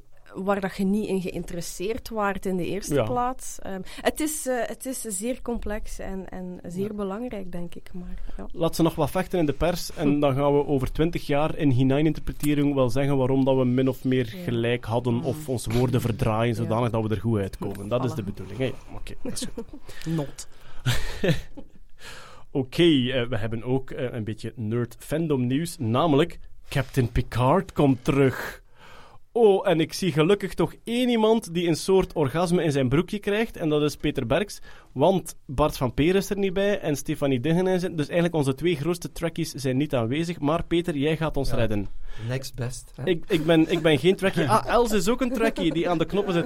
Els, als je wilt, mocht je eh, iets zeggen in mijn microfoon. Hè. Dat is geen enkel probleem. Maar dus, Peter, eh, eh, Picard, dus Patrick Stewart, komt terug als Captain Picard. En als ik me niet vergis, is het een spin-off? Ja, ja, Het is in Discovery, Het, was mij, het was mij... Ja, ik denk het, hè. Maar je hebt nu de nieuwe... sorry, nee, sorry. Nee, nee, doe maar. Doe maar, absoluut. ik, ben, eh, ik ben sinds kort heb ik Star Trek gezien. Met ben- Discovery. En, en ik ben Ja, een slecht geïnformeerde... De film of de reeks? Dat is de reeks, hè. dat is de laatste ja. nieuwe reeks die op Netflix staat. En eigenlijk is dat een prequel van de rest. Ja. Eh, en ik denk dat ze inderdaad een overgang gaan proberen te maken om van Discovery naar... En ja, de rest schiet ik mij tekort wat dat dan de eerste is. Mijn, eerste, mijn eerste gedachte was dat hij in een van de nieuwe eh, Star Trek films ging op. Ah, in de film. Ik Maar- dacht, maar ik dacht dan- in de ik, serie. maar nee, nee, nee. Blijkt Ik, ik dacht in het eh, nieuwe seizoen van de- Discovery ja, of in het volgende ja, seizoen of zo, dat hij zo. daar Ja. effectief... Maar is het eh, in, in de nieuwe reeks zelf of in een spin-off? Want ze spraken ook dat er... Ik geloof dat er verschillende spin-offs gepland waren van Star. Trek. Ja, we gaan het dan... eh, ja. Ik heb u al gezegd dat ik slecht geïnformeerd was. Ja, oké. Maar dus eigenlijk komt het erop neer, Captain Picard komt terug en de hele Star Trek fandomgemeenschap doet blije dansjes. Ja, en ik, volgens mij ga ik nu eh, met pek en veren door de straat uitgejaagd worden als ik zeg dat ik eigenlijk Picard verkies boven Kirk. Ah, ah oké, Els ook. Ja. Ja, Ja. ja. eerlijk gezegd. Is dat de eeuwige ja. discussie? Is dat, zoals Ik, bij, ik weet het niet, maar voor mij is... Ja, is dat zoals bij de nieuwe Doctors? Of dat je David Tennant Ja, boven ja, Matt Smith eh, ja. eh, verkiest? Ja. ik weet niet, misschien kan ik mijn stemmes op straat niet meer vertonen. Wacht, ik ga- Nee, het, wordt nu nog niet uitgezonden, gelukkig. Ik ga toch nog eens naar, eh, naar eh, Els kijken. Eh, David Tennant of Matt Smith? David Tennant. David Tennant zegt ze. En dat is het goede antwoord! Yay! Mogen blijven. Volgens Googleman eh, is het een nieuwe reeks op CBS. Dat is goed, maar eh, we, zullen, eh, we zullen zien wat ermee gebeurt. Alleszins, eh, eh, Patrick Stewart komt terug als Captain Picard. En Hoera, hoera. Peter is Hebben ze blij. lightsabers in het Star Trek-universum? Nee. Iets dichter in de... Interesseert dat mij geen kloten? Ja, weet je waar dat er allemaal zo ingewikkeld niet is? Star Wars. Er rijden zes films en dat is het. Ja, maar Dat is niet Star waar? Wars... Oké, maar... Ik tel de goeie. Jij komt dan zes? Ja, ik kom aan zes. maar is, is Star Wars niet meer storytelling en sfeer en minder science fiction en, en geeky nerdy? Wat is het verschil? Els, El- Els, komt... Star Wars is vooral heel veel meer gedoe. Ah, de wet Was, van was behoud niet van in gedoe. de, in de Geek Nerd Table eh, Star Wars meer geeks Dat en is... Star ja, Trek meer Ja, nerds. dat is sowieso... het- Als je met gedoe bedoelt interessante karakters en verhalen waar dat je mee kunt meeleven, Dan ja, inderdaad, dan is Star Wars meer gedoe. Oké, Jar Jar Binks. Misa Podcast! Goed, na dit Robertje nerdvechten is het volgens mij overduidelijk tijd voor...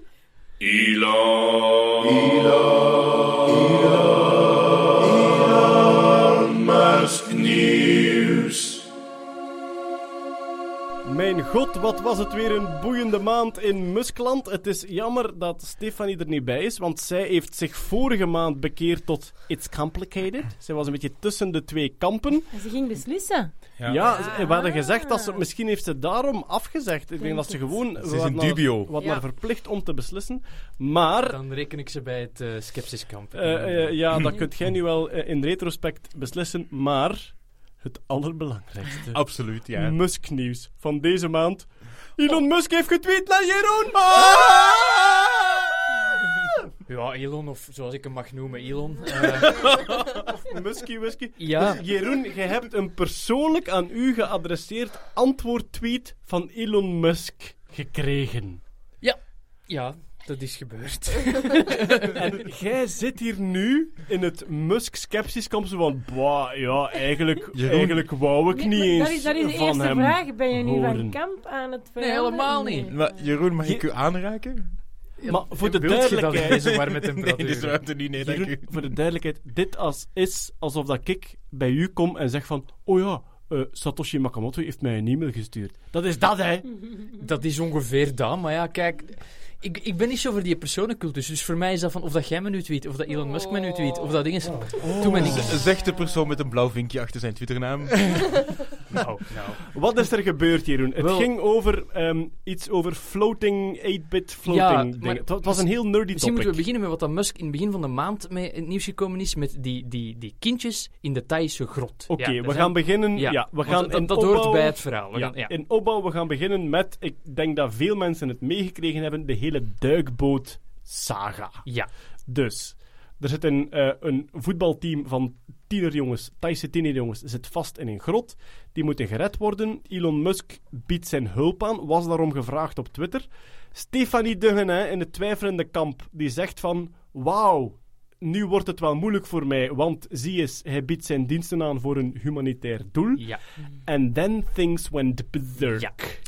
Elon Musk heeft eh, in de dagen dat hij dus aan het werken was eh, naar, eh, om die mensen daar aan de grot en de reddingsoperatie te helpen. Het was niet helemaal duidelijk of dat, dat effectief ook aan hem gevraagd was, maar, maar ja... Dat was zo, maar daar kom zo. ik- daar kom ik Oké, straks daar straks op terug, dat is gevraagd. En hij heeft dus een soort van kleine duikboot ontwikkeld, een soort van ja, gigantische zetpil, kan het niet anders noemen. Een soort van metalen tube waarin je eventueel een kind in zou kunnen schuiven en dat vervolgens naar buiten zou kunnen begeleiden. Stel het u voor als een soort van torpedo waar dat je een kind in kunt schuiven. En daar heeft hij filmpjes van getoond, hij heeft dat getest eh, in een zwembad in L.A., heeft dat dan naar daar verscheept, maar uiteindelijk voor de uiteindelijke reddingsoperatie, die zeer manueel moest gebeuren... Is er een eh, andere techniek andere gebruikt, techniek, is er een andere ja. techniek Totaal andere techniek. Totaal andere techniek.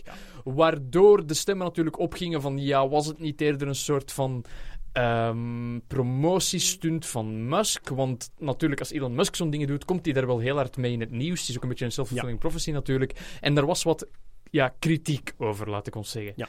En je kunt op twee manieren met die kritiek omgaan. Op de goede manier en op de manier waar Elon, Elon Musk ermee is omgegaan. Dus je kunt ermee genoeg. omgaan op een volwassen manier of op Ja. een Trump-manier. Ja. Helaas heeft Musk de afslag Trump genomen. Ja. En er was daar een duiker van het, het, het reddingsteam, of toch iemand van Britse origine, die in eh, Indonesië was het zeker? Of was het Thailand. Thailand, excuseer. Eh, mijn Zuid, eh, Azia- Zuid-Aziatische landen eh, sla ik een beetje door elkaar. Oh, er is niet zo leuk of een Poco pakken met Poco. Dat is toch het heerlijkste wat er ik bestaat. ga mijn Poco-kaart moeten afgeven. nee, zwart. Poco Thailand. go! Thailand. Een grot is een grot, zeg ik altijd. Goed. Nu komt er nog een beetje hashtag MeToo bij kijken, dames en ik heren. ben mij hier in de nesten aan het werken. Ik vind negers maar. helemaal niet lui. Oh nee! Jeroen, als je zo blijft doorgaan, vrees ik dat Jeroen Baart gaat tweeten over u.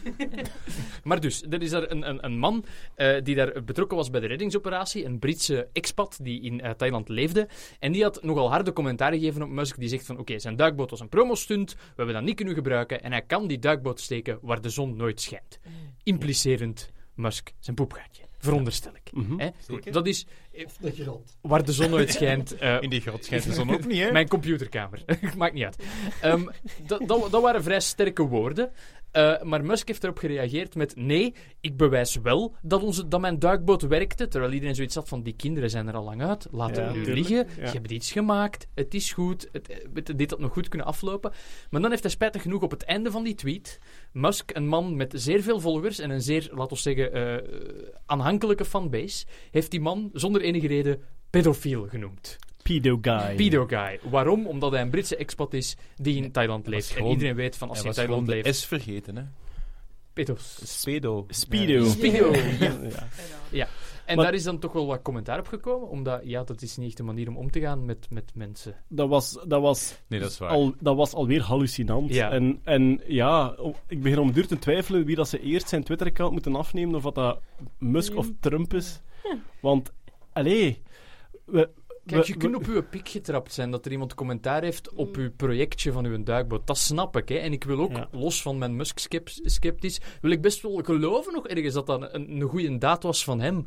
Maar laat het dan gewoon liggen. Ah, wel, maar ik heb, we hebben een e-mail gekregen op het eh, eh, Nerdland e-mailadres, dus podcast.nerdland.be. Voor al uw correcties of aanvullingen op deze podcast, kan naar podcast.nerdland.be. We hebben een e-mail gekregen eh, waarin dat er inderdaad een soort... Er staat een blogpost, we zullen de link ook eh, op de Soundcloud-website zetten. Er is een blogpost waarin alles diepgaand gereconstrueerd wordt. Dus wat gebeurt er? Ehm, er wordt getweet, net zoals in een tijd bij Puerto Rico, werd er Ja. getweet naar Musk van, kunt jij niet helpen voor de elektriciteit? Er was iemand, uiteraard, die een tweet gestuurd had, kunt jij niet helpen bij die kinderen in die grot, want je hebt een boorbedrijf met de Boring Company enzovoort. Musk reageert erop en is daarna in een e-mailconversatie geraakt met de Thaise reddingsploeg. In die e-mailconversatie, die dus gepubliceerd is, staat er op een bepaald moment letterlijk: Mijn beste ingenieurs werken erop. Laat mij alstublieft dagelijks weten of dit wel de goede piste is, want als dat niet zo is, moet ik die mensen elders inzetten. Dus zijn vraag, volgens wat gepubliceerd, gepubliceerd is, hè, of dat dan gefilterd is, weet ik niet, maar zijn vraag was echt van, ik wil hier alles voor doen, maar laat het mij echt weten als het niet nodig is, want we zijn er veel resources aan het insteken. Wat dat toch al pleit tegen het promostunt gegeven. Ja, ja, dat wil ik best geloven. Eh, goed, dan heb je dat interview van die Britse duiker. En er was inderdaad al een soort backlash ontstaan als zijnde het is een promostunt. Net zoals toen hij die Tesla in de ruimte gelanceerd had. Er was al een backlash ontstaan. En die, een- die, die Brit is daar ook zeer agressief in. Hè. Ze vragen hem Ja. wat vonden van die een duikboot. En die een Brit is daar zeer agressief in en zegt: He can stick it where it hurts. Ja. Ehm, dat is het verhaal tot daar. Dat alles is ehm, achtergrond, maar totaal geen goedpraterij van de echt dwaze reactie. Ja. Waarom noemt één volwassen man een andere volwassen man pedo guy? Zeker als je een miljoen, miljardair bent. Met, Je is een CEO van een beursgenoteerd bedrijf, hè? dat is waanzin. Dat is... Ja, En sorry. ik, goed, door, door, door Twitter hebben we nu een soort ongefilterde ingang naar vele personalities die vroeger gefilterd waren. En dat heeft voor- en nadelen. Ja. Maar ik vind dat hallucinant dat je, dat je je niet laat beter begeleiden op dat moment. Nee. Dan dat soort dingen zo impulsief, zo dwaas. de We denken altijd, daar moet een social media team bij zitten, die, die van die grote sterren en grote Ja. mensen die, die elke social media interactie polijst. Maar dat is dus vaak gewoon niet. Ja, Ze zullen ja. af en, toe, af en toe zal dat wel eens het geval zijn. En dan zeg je van, oké, eh, maak eens een post van mij die daarover gaat. En dan moet je dat maar goedkeuren. Maar soms hebben die mensen ook gewoon een telefoon vast, zoals jij en ik. Maar op zich zijn zelfs Musk zijn verdediging van die een duikboot. Bon, daar zal waarschijnlijk wel wat PR bij zitten. Als zijnde, wij waren op de goede weg en de ingenieurs hebben goed werk gedaan en die dingen vallen elders nog te gebruiken. En dan komt de macho boven en opeens begint hij, weet je wat, ik ga met mijn duikboot naar die grot en Ja. ik ga toch tot daar. En dan denk ik van, dat is al niet nodig. Op, die punt, op dat punt zijn die kinderen al twee dagen uit die grot. En. Iedereen is zeer content dat die kinderen eruit zijn. En dan Ja. heb je een, miljard, een miljardair die zegt van... Nee, nee, ik ga terug in die grot en ik ga het bewijzen ook. En Dus dat is, al, dat is al echt, dan komt al de macho boven. En dan nog afsluiten met You had it coming, pedo guy. Dan denk je van, Ja. oké. Nu, achteraf heeft hij zich geëxcuseerd en de tweets gewist. Dat was het minste wat hij kon doen. Too little, too late. Maar hij heeft het wel gedaan. Hij heeft er niet aan vastgehouden zoals Trump misschien zou gedaan hebben. En dan komen we bij mijn, mijn geniale mopje en mijn interactie met, met, met, met, met, met, eh, Elon. Want ik, ik snap hem ook nog niet zo goed. Want dus Musk begon over een... Dus goed, dat Ja. was de duikbootsaga. Ja. Dat is bij deze afgelost. Het is heel jammer dat Stefan hier niet is om te vragen hoe dit verhaal haar beïnvloed heeft in haar eeuwige twijfel tussen Musk-skepsis of Musk-fan. Kijk, we hebben haar een maand tijd gegeven en anders ging ze naar het Skepsiskamp. Skepsiskamp plus één. Sorry. Jawel, We gaan- zo nee, gaat het. We moeten het aan haar zelf vragen. Dat we moeten geen, het aan dat is geen basis vragen. van wetenschappelijk Eh, onderzoek. nee, dat klopt. Niet, niet te veel speculeren zonder... eh, een beetje pas- biased Pas wel, als ze met een waarde van 5 sigma anti-Musk is, dan kunt je ze in uw kamp rekenen. Maar, dus, dat is compleet afgesloten. Musk is aan het tweeten over totaal andere dingen. En Ja. opeens stelt hij een redelijk nerdy vraag over floating points. Wat zijn floating points? Floating points is een manier om in een beperkt aantal bits een kommagetal voor te stellen. Dus zoals- normaal, ja, een bit is een getal 1, 2, 3, 4, 5, maar je wilt 5,387 en Ja. dan heb je een Ja. speciaal iets nodig. Ja. Stel dat je het getal eh 5,34678 wilt voorstellen, heb je een redelijke precisie nodig, want dat zijn een hoop drieën. En dan een, en van achter in het kommagetal nog een, een heel klein. Dus er zijn manieren om... Marian, ik ga het u beter laten uitleggen. niet waar. Eh, niet helemaal waar. Het is een manier om ehm, getallen over een heel groot bereik te kunnen voorstellen met weinig bits. Dus zowel het getal 0,0007 als het getal 32 miljard 702 miljoen enzovoort. Want normaal zouden voor dat bereik, tussen geweldig klein en geweldig groot, heel veel. Je zouden alle mogelijke waarden moeten ja. kunnen voorstellen. En nu doe je eigenlijk gewoon een bepaald getal eh, maal iets anders. Dus ik kan dan bijvoorbeeld zeggen, het is 702 maal 1 miljoen of maal 1 miljoenste. Ah, en die ja, twee stukjes ga je apart coderen, waardoor dat je samen een veel grotere bereik van getallen kan ja, Een je, kunt, je kunt gewoon tijdens de test doen met oude rekenmachines, met die Galaxy-rekenmachines van vroeger. Als je daar een heel groot of een heel klein getal had, dan kwam dat ook zo op je display, want in display was ook maar een beperkt aantal karakters. Dus daar kwam 1, komma en nog iets, maal 10, en dat was dan meestal met E afgekort. Met de letter E, hè? Met ja. letter E en dan een macht. Ja. En als die macht positief was, dat was een heel groot getal. Als die macht negatief was, dat was een heel klein Dus getal. als er staat 1E3, wil dat zeggen een 1 met drie nulletjes, 1000. Ja, duizend. 1 maal Eén- 10 tot de derde. 1E9 is een miljard. Ja. Ja. 1E min 9 is 1 miljardste. Ja, Ja, dus is komma en 0,000. dan Ja, voilà. Goed, dat zijn floating points en daar had Elon Musk een zeer Ja. korte vraag over op Twitter. Elon Musk tweette 8-bit floating points, vraagteken.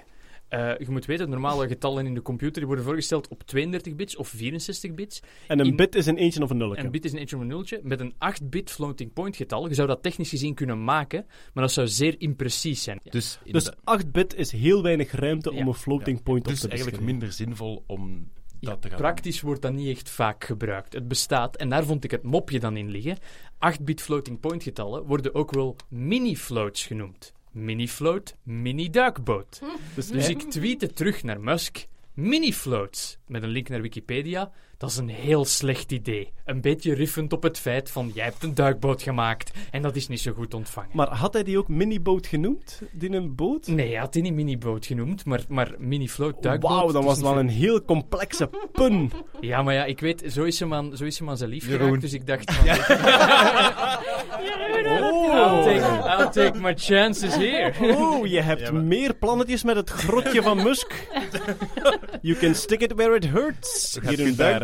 Daar? Nee, Ja, Maar hij heeft dus geantwoord: ja mini-floats. yes, mini floats. Waarmee ik niet door heb of dat hij het mopje had, of dat hij gewoon acknowledgede van, ja, ze noemen ze ook mini-floats. Ik vind het antwoord een beetje een anticlimax. Ja, het is een anticlimax, ja, is Musk. eh, luistert, al, al, al stuurt Musk u een lachend kakske, een anticlimax is het niet.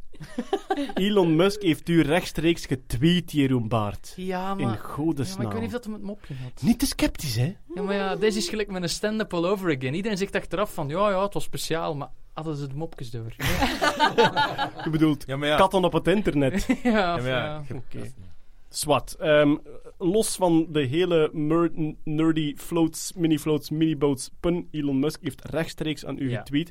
En jij bent de fucking scepticus, dus we zijn Ja. eeuwig jaloers. Ja. Eeuwig jaloers. Ja. Ehm, het grappige is, als je dat dan gedaan hebt, telkens als Elon Musk iets tweet, komen er in de, de, de replies komen er ook altijd van die valse Elon Musks op, die altijd een soort van scam verkopen. dus heel Ah, veel ja, van die replies, met een Twitter heeft een dag echt bol gestaan met van die replies van, ja ja, mini-floats. En ik heb nog meer goed nieuws. Ik verkoop eh, Ethereum op dit adres. Ah, en dan ja. komt dan van Elon Flask, of, of Elon Musk, of weet ik veel wat. Zo allemaal mensen met exact hetzelfde icoontje als Elon Musk, die dat proberen ja, mensen op te lichten. Maar geen blauw vinkje. Geen blauw vinkje hebben. Die dat Ergens- blauw vinkje vervangen hebben door, door een ander blauw tekentje. Ergens in Amerika woont er een echte Fleeron Flosk die heel, die heel droevig is. Maar een Dat is- goede dat- naam wordt dat hier door het slijk Omdat gehaald. niemand hem serieus neemt. Ja, maar dat is gelijk die persoon die ooit zo Mike Rosoft.com had gekocht. En die heette echt Mike Rosoft. Is het echt? En die had MikeRosoft.com. Wel, wel. Oh, Oké, de arme man. dat is gelijk die, die winkel die dat pennen verkoopt. Pen Island. Die hele ding. Penisland. Oh. Geweldig. Bestaat die echt? Penisland.com bestaat echt hoor. Wel, wel. Eh, Ik niet. zal eens kijken. Staat uw safe search aan? Nooit. We zullen wel zien. We zullen wel zien. Eh, ja, dus eh, Musk heeft het een paar keer geweldig verkorven op Twitter, maar hij heeft zichzelf de voorbije maand ook wel regelmatig gecorrigeerd.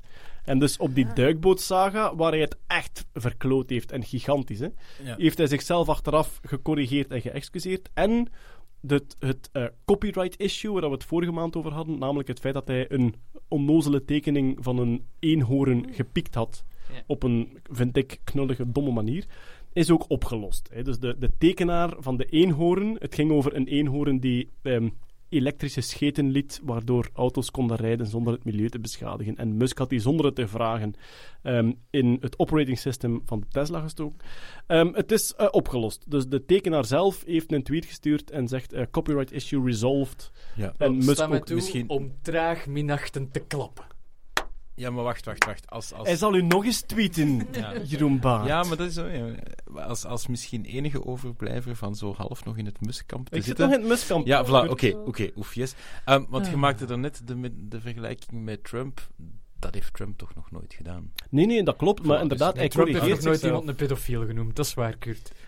Nee, ze is we daar de lat geëxcuseerd en teruggekomen. Oh, je... Ah ja, Hij heeft gewoon kinderen in kooien gestoken. Ja. Ehm, Goed, maar dus ehm, hij is tot een vergelijk gekomen met de eh eenhoorntekenaar. Eigenlijk net zoals wij hem aangeraden hadden vorige maand in de podcast. Dus ik denk na die tweet van u dat hij gewoon de podcast beluisterd heeft en dan besloten heeft: dit is inderdaad het slimste wat ik nu kan doen. Ik had echt zin om hem dan te mailen van... eh, yes, we have a podcast uh, with, the, with the jingle from uh, Johnny Trash, the, the, the cowboy from Leuven. Uh, Ja. you can, can you sponsor us in the podcast? Uh, En eh, everyone in the podcast loves you except for me. I think you're yes, a twat. Yes, yes. I am the Musk skeptic, but it is a rolletje that I speel. eh, Elon. I, uh, I adore you, eh. I think, I think you're a jaarbol. I think you're a jaarbol. Goed, maar dus eh, het Hij copyright... heeft overal precies de plooien glad, glad gestreken. Want in, in een van de persconferenties heeft hem ook aan journalisten, of, of waren het businessanalisten, ook verschillende zijn excuses aangeboden. hè. Wel, maar dus ehm een van de verklaringen, dus het artikel dat ik gelezen heb over de verklaring van heel de duikbootsaga, en, en ja, daar ging het over. Hij- Hij staat onder hele grote druk door heel dat beursverhaal. Namelijk, heel veel mensen zijn aan het shorten op het Tesla-aandeel. Ze vinden dat het overgewaardeerd is. Ze gokken erop dat het een gigantische duik gaat nemen. En ze speculeren daarop. De moment dat ze daar geld op ingezet hebben, doen ze alles Ja. om dat aandeel en dus ook Musk in discrediet te brengen. En dat is een beetje wat de mensen zeggen van... Ja, ehm, dat is de reden waarom het zich zo fel moet verdedigen. En dat sluit aan bij zeer recent nieuws. Hij zou het plan hebben om Tesla van de beurs af te halen. Gewoon om van die shorters af te zijn, zou hij dus met eigen geld en ik denk nog andere investeerders... Saudis. En Saoedische investeerders, want ja, bij Saudi-Arabië zitten ze te denken aan het tijdperk na de olie. Ja. Dus hij zou zelf en met Saoedische investeerders alle aandelen gewoon terugkopen om van heel dat short speculatieding af te zijn. Maar dan moet hij natuurlijk meer betalen dan de huidige koers.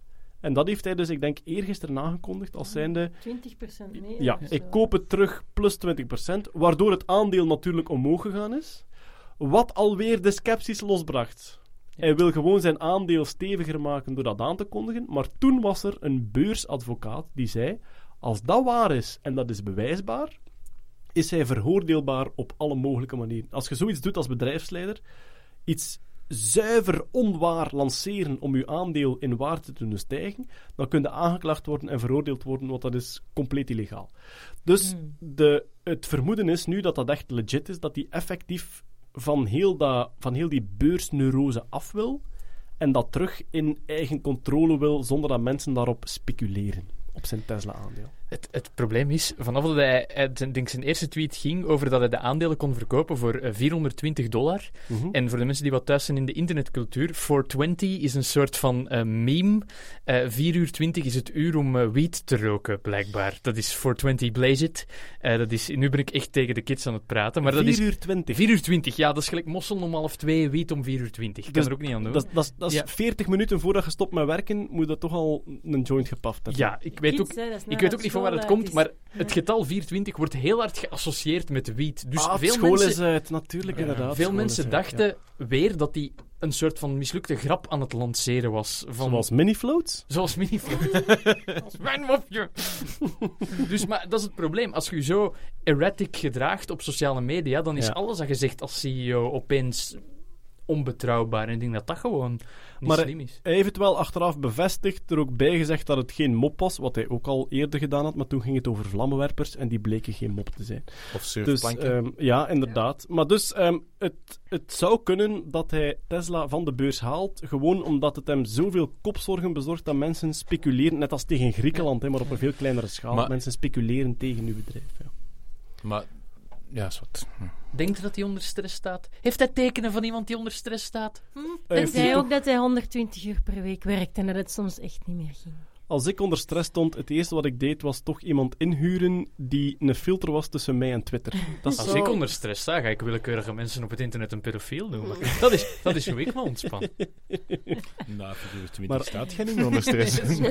Maar alleen als ze in de rechtse hoek zitten en het dus verdienen in jouw ogen. Uiteraard, inderdaad. Iedereen die het rechtse gedachtegoed aanhaalt, zijn pedofielen. Goed. Niemand luistert hier naar. En knip.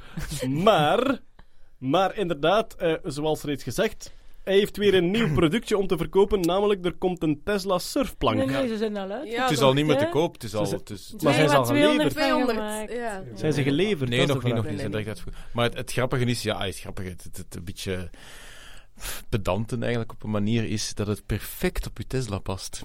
En in de kleuren. En in de dezelfde kleuren is. Rood en zwart. Maar dus, eh, eh, alles wel begrepen. Het is gewoon een surfplank die elders al geproduceerd werd, maar er komt een Tesla-logo op, waardoor dat ze 200 dollar duurder Oh. wordt. Nee, nee, nee, heeft ze zelf gemaakt. Het ja. is zelf. Ah, Ja, het is echt wel... eh, het is mooi. Ja, is echt Is, mooi. is 1500 dollar duur voor een surfplank? of Geen idee. Dat is Ik Ik, denk dat. Aan de dure kant, maar... Ik ja. denk dat gelijkaardige surfplanken normaal 800 dollar Ja, zoiets. kosten. Ach zo. Ik denk dat dat het, dat dat het verschil was. Maar die heeft autopilot. Trouwens, De Tesla surfplank. Surfen op de golven van de verontwaardiging. recht naar Pedo Island. Penisland. 200 exemplaren waren er maar van. en 200, ja, oké, uit. Ehm, eh, goed, ja, wa- wat dat betreft, er is ook deze week trouwens in Sint Maarten-Slatem een Tesla gestolen. Juist, ja, dat heb ik gelezen. Die 50 kilometer verder in Groot-Bijgaarden achtergelaten is omdat de batterij leeg was. Ja, die kreeg die kabels niet Van, vandaar dat ik aan het lachen was. Niet gewoon van het feit van, hahaha, iemand zijn persoonlijke eigendom is gestolen. Word ik altijd zo leutig van. Nee, nee, gewoon... het Wat, wat dan nog toffer zou zijn, is dat de dieven geëlectrocuteerd worden omdat ze er naftand in tanken zijn. Op de batterij ook. Eh, goed, Eh laten we eens kijken. Wat staat er nog in het eh, Musk-nieuws? Ja, er is nog Tesla-nieuws, namelijk de Full Self-Driving Option zou vanaf deze zomer langzaamaan geïnstalleerd worden op de Tesla's. Dus er was iemand die tweette. Het begon alweer met een tweet. Ik vind het zo jammer dat die mens op Twitter leeft. Maar dus, het begon met een tweet van een gebruiker die zei: een autopilot op Tesla, als er mensen willen invoegen van een rijstrook van rechts en ze rijden maar een klein beetje voor mij, dan reageert mijn Tesla niet. Terwijl normaal als chauffeur heb het gevoel van die andere rijdt verder, dus ik laat hem even voor. En hij vroeg om dat op te lossen en Musk antwoordde, ja, daar wordt aan gewerkt. En trouwens, vanaf deze zomer gaan we bouwen richting full self-driving. Dus wat dat wil zeggen, van op uw oprit zeggen, ik moet naar daar en dan echt niets meer doen tot als je er bent. Het is nog niet zo dat dat volledig uitgerold wordt, maar het zou een eerste stap zijn om daarnaar eh, te werken vanaf deze zomer. Ja, maar wat het dan juist inhoudt, ik heb een beetje zitten zoeken, maar dat is echt niet duidelijk. Nee, wel, hij, hij liet uitschijnen in zijn tweet dat het verschil was dat ze tot nu toe altijd gewerkt hebben op veiligheid en voorzichtigheid. Dus alles ging over veiligheid. En pas daarna, dus pas als ze zeker waren dat 100% veilig was, wilden ze nieuwe dingen testen. En nu hebben ze zoveel, zoveel vertrouwen in het platform dat ze echt gaan gaan naar extra features om naar die volledige self-driving te Wat er gaat gebeuren is als er iemand over een paar maanden invoegt voor uw Tesla-auto, komt er een soort van pneumatische arm naar buiten, die een soort van op zijn gebaar doet en heel hard pedo roept. Dat is die derde arm, hè? de derde arm. Ja, ja, die wordt ingebouwd. Of hij scant uw nummerplaat en hij stuurt denigrerende tweets naar jou. Omdat je ingevoegd hebt. Ja. Maar, ehm, ja, er was ook een soort nieuwsje. En Marianne, kijk naar jou, want ik, ik ben er zelf niet helemaal in thuis. Er was een soort nieuwsje dat je de, gewoon de controllerchip in je Tesla kon vervangen door een nieuwer model, terwijl de rest van de auto Eh, ja, gewoon hetzelfde dat op zich vind ik niet het, het wonderlijke, maar gewoon Tesla maakt zijn eigen chips. Je moet eigenlijk weten dat alle autobouwers die kopen chips van andere firma's in, hè, Ja. zoals Infineon ja, enzovoort. Want en gij- voor, voor wie nog niet geluisterd heeft tot nu, jij komt echt full, leven, hè. full-blown vanuit de, het chipontwerp. het- Chips Ja. mijn leven. Chips is mijn leven. En dus Ja. bij, Ze noemen haar Madame Pringles op het werk. maar jij hebt chips ontwikkeld en gebouwd bij Intel onder andere. Ja, en ik doe daar nu on- aan de KU Leuven onderzoek naar. Oh, Wij voilà, maken zelf chips voor AI. En het zijn net dat soort chips dat binnen eh, Tesla nu zelf ontwikkeld wordt. Normaal gezien, als je artificiële intelligentie software draait en die zelfrijdende auto's hebben dat nodig voor alle herkenningen. Ehm, ehm, herkenning van de verkeersborden, waar zijn er voetgangers, waar is de weg enzovoort. Dan draait dat meestal op wat we GPU's noemen, grafische processing units, die heel snel heel veel data kunnen verwerken. Sorry dat ik onderbreek, maar is dat dan vooral omdat ze parallel kunnen computen Ja, tegenover er zijn serieel? heel, heel Ja. veel vermenigvuldigingen die in parallel moeten kunnen doen. Duizenden, miljoenen. Van En- floating point getallen, om Ja. even een callback eh, te doen. Oh, het kan in fixed point ook. Maar enfin, andere discussie. Ja. Ik heb het gevoel dat we te nerdy worden voor de Nerdland podcast. Maar dat doe je normaal op zoiets en Nvidia maakt dat. Ja. En in al die Tesla-auto's zaten dus heel veel Nvidia-processoren. Dat is een bedrijf in Amerika. En Tesla zegt nu, Musk, wij kunnen dat veel beter dan Nvidia. We gaan gewoon onze eigen chips maken. Dus twee jaar geleden hebben die een aantal mensen bij Apple weggehuurd. Onder andere de chief architect van de Apple-processoren tot de Apple A5, denk ik. En die zijn dan binnen Tesla hun eigen chipjes beginnen maken voor al die beeldverwerking veel sneller te kunnen.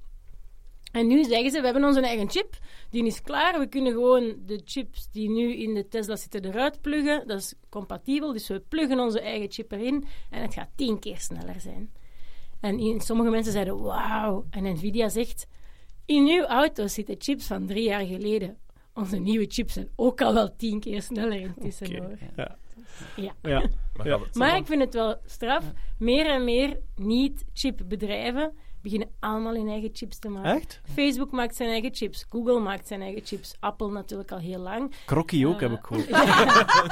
Maar nu ook Tesla, dat zijn eigenlijk allemaal bedrijven die traditioneel wel software maken, maar nu allemaal beginnen die chips te maken. Gaan wij dan, gaan wij dan op termijn naar, naar een soort naar auto's gaan? Gelijk dat je je banden om de zoveel kilometer verwisselt, dat je dan ook je chips om de zoveel kilometer gaat verwisselen? Dat zou niet gek zijn, want Tesla doet ik weet niet hoeveel software-updates. Maar net Ah, ja. zoals bij je gsm, als jij daar elk jaar of elke paar maanden een update doet, na twee jaar is die te traag. hè.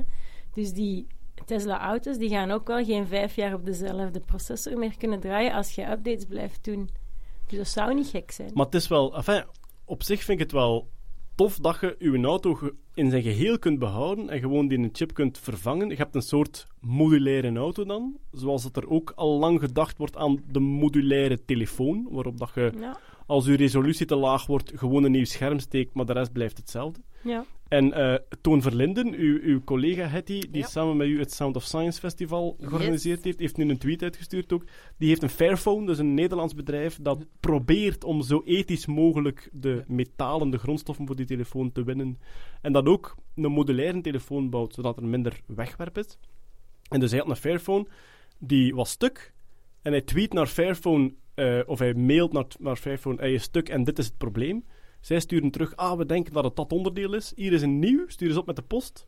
Hij behoudt zijn telefoon, hij haalt het oude eruit, het nieuwe erin en het ding werkt weer perfect. Wat dat, Dat is, dat is een tijd geleden en dat is spijtig dat Google daarmee gestopt is, want het gaat vroeger de Brickphone, Ja. was het De Brickphone, nog ja. verder en Google heeft het dan opgekocht in project ARA, was dat toen zelfs. Ja. En die dat verder aan het onderzoek geweest, maar ze hebben dat stopgezet omdat dat voor hen niet rendabel was. Ja. Ja. En dat is dus een beetje spijtig, want je hebt een ecologisch en daarnaast een economisch standpunt. En die dat dat twee is zijn stop- spijtig genoeg niet altijd te dat dat is verzoenen. stopgezet omdat de wedloop eerder ging naar steeds dunnere en slankere telefoons. Ja. En als je een bepaalde modulariteit wilt blijven behouden, Ja. moeten er, ja, moet Ja. support rond zitten En voor dingen in te schuiven. Absoluut. En, en, en het grote probleem met modulariteit is dat je helemaal middleware-stukjes moet gaan Ja. zitten maken, connectorstukjes en, en ook software die dan moet omgaan met verschillende versies van een camera, waardoor dat je je systeem op zijn eigen weer vertraagt. Dat is, dat is de basis van Windows. Hè. Dat is heel open voor heel veel verschillende grafische kaarten, maar je moet allemaal die drivers gaan installeren met extra security en toestanden issues. En dat is niet zo... Ja. Ja, dus dat, ja de performantie daalt daardoor. en Dat is, dat is een beetje spijtig. hè. Eh, ja, eh, verder van Tesla. Er was een soort gerucht dat de locatie van de Europese Tesla-fabriek toch nog in Vlaanderen zou kunnen. Nu, Duitsland en Nederland voeren blijkbaar het grote gevecht tussen hen twee voor wie de locatie mogelijkst wordt van de Europese Tesla-fabriek. Maar af en toe komt er een nieuwsje. Vlaanderen kan ook nog, maar de Ja. kans is eerder klein, denk Ik ik. denk dat Vlaanderen heel hard aan het open is als twee honden vechten om een been. Ja. Maar ik denk dat been niet voor ons gaat zijn. Ja, oké. Maar, eh, langs de andere kant, als het in Nederland of in Duitsland komt, ook als het in Duitsland komt, gaat het aan onze kant van Duitsland komen. Hè. Het, zal toch wel, van ja, het zal toch wel Ah, ja, roergebied ja. Nederland ja, oké, zijn. ja. Ik dacht van, hebben wij een... mijn mijn geschiedenis is een beetje... Geografisch. Ja. Ehm, ja, maar dus... Het komt hoogstwaarschijnlijk wel in onze regionen als zijnde dat zelfs techneuten en ingenieurs tot daar gaan kunnen pendelen of zelfs gaan kunnen gaan wonen om daar te werken. Hè. En dan kunnen wij er ook op bezoek. Maar ja, maar Jeroen, je bent al Twitter-vriendje. Hè? Hij heeft u Ah, nog ja. altijd geen pedo genoemd. Dus Ja, inderdaad, ik zit goed. Ik lig, in boven, genie, ik lig in de bovenste schuif. Ja. nog een beetje SpaceX-nieuws. De eerste bemande testen zouden voor april zijn al. Dus april 2019 zouden er al mensen de lucht in gaan. Er wordt een onbemande, ehm, Dragon? ja, een onbemande test met de Dragon-capsule die bedoeld is voor bemanning. Zou gepland zijn voor de herfst nog. En dan, als die goed lukt, zou vanaf april, voor het eerst sinds de Space Shuttle, zouden er terug mensen van op Amerika vertrekken naar de ruimte. Gaan we daar ook pintjes op verwedden? Want volgens mij maken die dan wel een beetje wrang als dat mislukt op een of andere manier. Maar Dat ik hier wel, zit we van... gaan wel een- Woehoe, Musk-skepsis! Yay! Maar ik stel voor dat we wel terug een lanceerfeestje doen. hier. Ja, wel een lanceerfeestje. absoluut, dat was veel te ja. leuk de vorige keer. Ja, absoluut. Eh, ander nieuws, ja. ehm, volgens bepaalde wetenschappers valt Mars niet te terraformen. En dus Ja. terraforming is een van de lange termijn, heel lange termijn dromen van Musk om Mars om te vormen tot een soort leefbare planeet met een atmosfeer en misschien zelfs met plantengroei, met CO2, zuurstof, een heel ding enzovoort. En dus zijn theorie was er zit zodanig veel CO2 opgeslagen in de rotsen van Mars. Als we dat allemaal vrijbrengen, ontstaat daar een atmosfeer. Ik denk dat de atmosfeer op dit moment 0,7 keer de atmosferische druk is van de aarde. Dus veel te weinig om te overleven. En dus je hebt drie uitdagingen. Je moet genoeg druk creëren, een soort atmosferische druk zoals hier. Je moet daar zuurstof in krijgen. En je moet je temperatuur omhoog krijgen via een soort eh, stabiel broeikaseffect. Was het een idee om dat dan met explosieven te doen? Of wat? Ja. Er waren verschillende ideeën. Ofwel was het opwarming van de rotsen via spiegels, ofwel een van de wilde ideeën was gewoon nucleaire bommen naar daar, een boel laten ontploffen en zien wat er gebeurt. Maar er zijn nu berekeningen van eh, wetenschappers, ik denk alweer Italiaanse trouwens, Maar wat Is dat het toch, hè? die hebben Die een werken maand- één maand op een jaar. Als- Jullie, ja. Ja, als het te warm is en ze zitten in de kelder. Ja.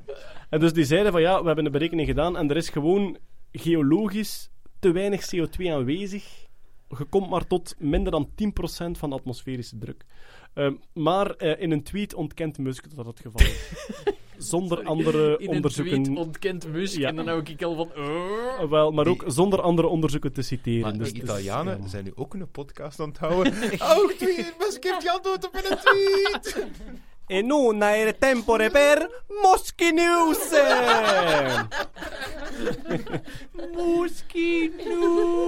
Moschi News! Maar voor mij is toch altijd de vraag... Ik, ik kan nog altijd niet inzien hoe het ingenieursgewijs eenvoudiger wordt om een planeet als Mars leefbaar te maken dan om de aarde leefbaar te houden. Ja. Ja, Dat snap ik nog altijd niet. Als je die technologie hebt. Maar goed, hij hij zegt ook van we zijn met te veel en we moeten sowieso een multiplanetaire, multiplanetaire soort worden. Goed, eh, verder zijn er ook eh, Hyperloop-testen geweest. Er is een nieuwe competitie geweest voor Hyperloop-pods. Dus voor de wagonnetjes die door de vacuümbuizen eh, zouden schieten. studentencompetitie. Studentencompetitie inderdaad. En gewonnen door een Duits team.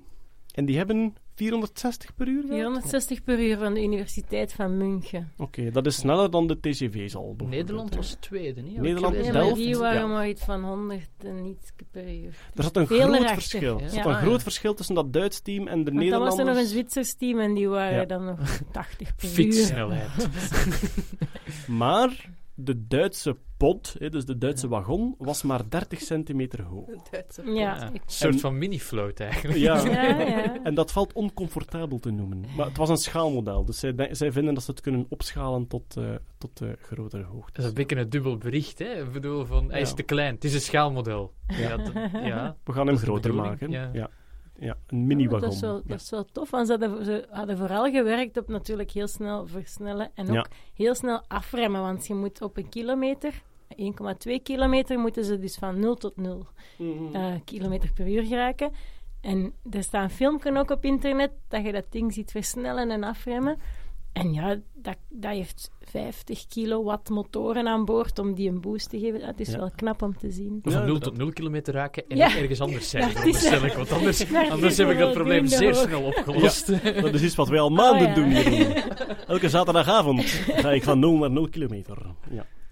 Goed, eventjes kijken. We hebben nog een paar andere gorillas van Silicon Valley, eh, zoals eh, Jeff Bezos, onze goede vriend. En eh, die wil de maan koloni- koloniseren vanaf 2023.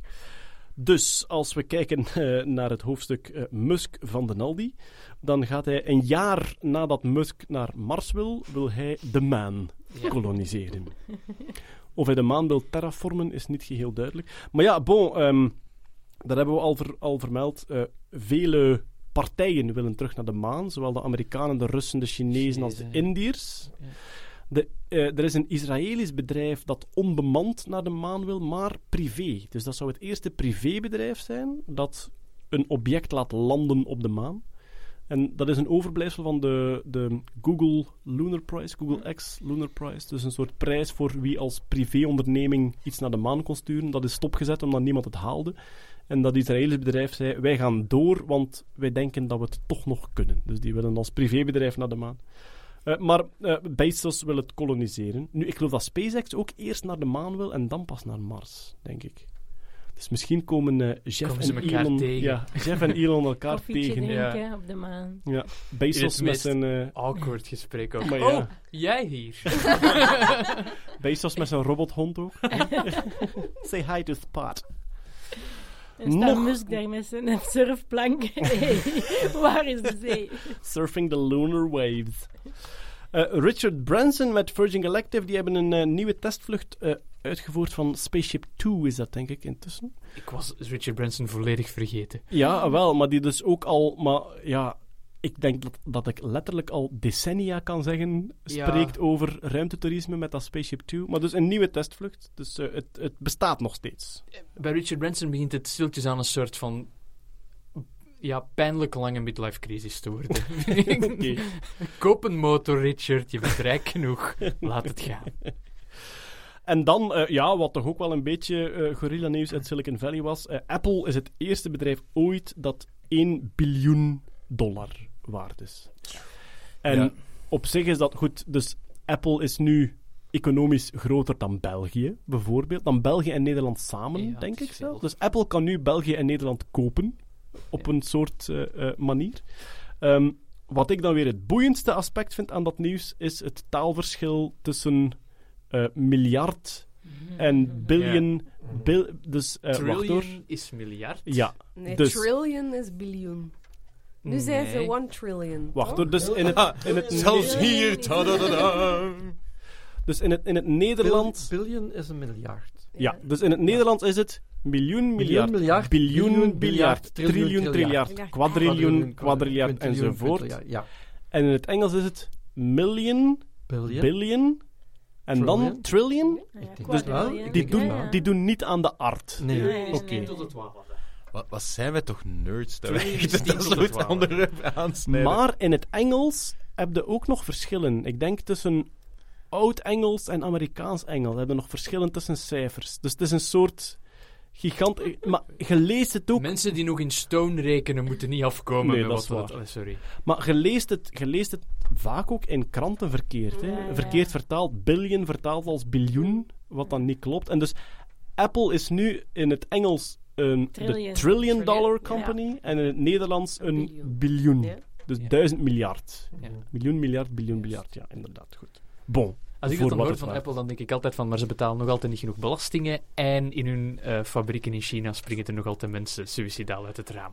Maar dat is... Sorry, ja, ja ik, ik vind... eh, dat, is, dat is hetzelfde met Jeff Bezos. Jeff Bezos, rijkste man ter wereld, maar je leest constant verhalen van mensen die in zo'n Amazon orderpicking centrum echt, Ja, echt hondenuren kloppen. Dat is Nee, gewoon... Allee. Maar hondenuren duren zeven keer zo lang als mensenuren. Dat is ook. Ah. En dan, ja, over McAfee was er niet zoveel nieuws. Alleen er was een tweet van QIpedia dat er in eh, Schotland een ehm, bitcoin-afkikkliniek geopend wordt. Ja, er een bitcoin-afkikkliniek. En ja, dat zou misschien iets voor John McAfee zijn. Maar vooral Ja, het was de- niet alleen bitcoin, het was allerlei cryptomunten. crypto, Ja, cryptomunten. cryptomunten, verslavingen. Ik had nu Waar gewoon... houdt de verslaving dan net in? Dat je altijd iets Ik weet het niet. Ja, of dat, ja, dat, je, dat, er, dat je er 24-7 mee bezig bent, met, met koersen Minen, bekijken, met beurzen. Minen. Maar je kunt er je bad mee opwarmen tegenwoordig. Wacht, ik zoek hem op, want de antwoorden op die tweet waren Dan kun best je crypto cold turkey gaan. Dan moeten ze zo'n gsm met uw handen slagen en zeggen Ja. van nee, je mag niet meer naar de koers kijken. Samen naar de koers kijken. Wacht, ik Samen ben naar de koers kijken. Gaan we samen naar de koers kijken? Ik ga met mijn pa naar de koers kijken. Maar ja, dus er, er was een, er was een, eh, een tweet van, van QIpedia. De researchers achter het programma QI eh, van de BBC. Ja, Eh, inderdaad, dat er dus een, een, een komt. En de antwoorden waren onder andere... ehm, Trainspotting 3 is gonna suck. In Schotland. Vandaar. Goed, dat was het Musk-nieuws en het andere Silicon Valley-nieuws. We hebben nog een paar dingetjes staan die we nu afwerken. Eh, eentje was een correctie, er kwam een e-mail binnen. We hebben vorige keer gezegd dat het op Mercurius warmer was dan Venus, omdat Mercurius dichter bij de zon staat. Dat is niet zo. Nee, het is hier warmer. Ja. Maar Venus heeft een atmosfeer en dus door het broeikaseffect van Venus is het warmer op Venus dan Mercurius, ook al staat het verder van de zon. Wie hebben we daarvoor te bedanken? Eh, dat eh, zal ik erin editen terwijl ik deze podcast aan het monteren Dat ben. wordt zo van... Dankjewel. eh, even een Naam. noot vanuit de montage. Ehm, even een noot vanuit de montage. De e-mail kwam van Jeff van Eester. Dankjewel, Jeff. Eh, ook eh, er zijn neutrino's ontdekt in Ice Cube, waar de bron van de neutrino's aangekoppeld is. Wie had het nieuws eh, opgevangen, gezien?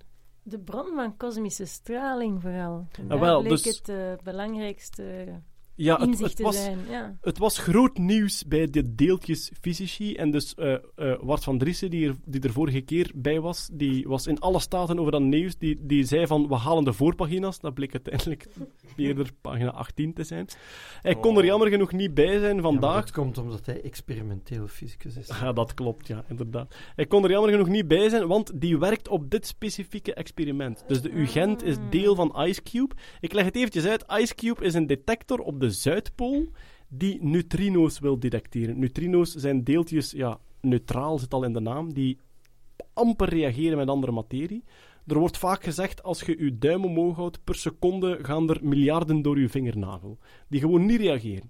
De zon is een bron van neutrino's. Er zijn ook kosmische neutrino's.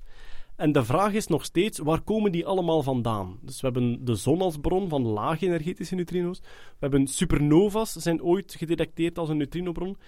Maar er zijn er veel meer dan we kunnen verklaren met de bronnen die we kennen. En dus op de Zuidpool hebben ze een detector die ehm, als, als heel af en toe interageert er een neutrino met het ijs. En dat zorgt voor een soort blauwe flits.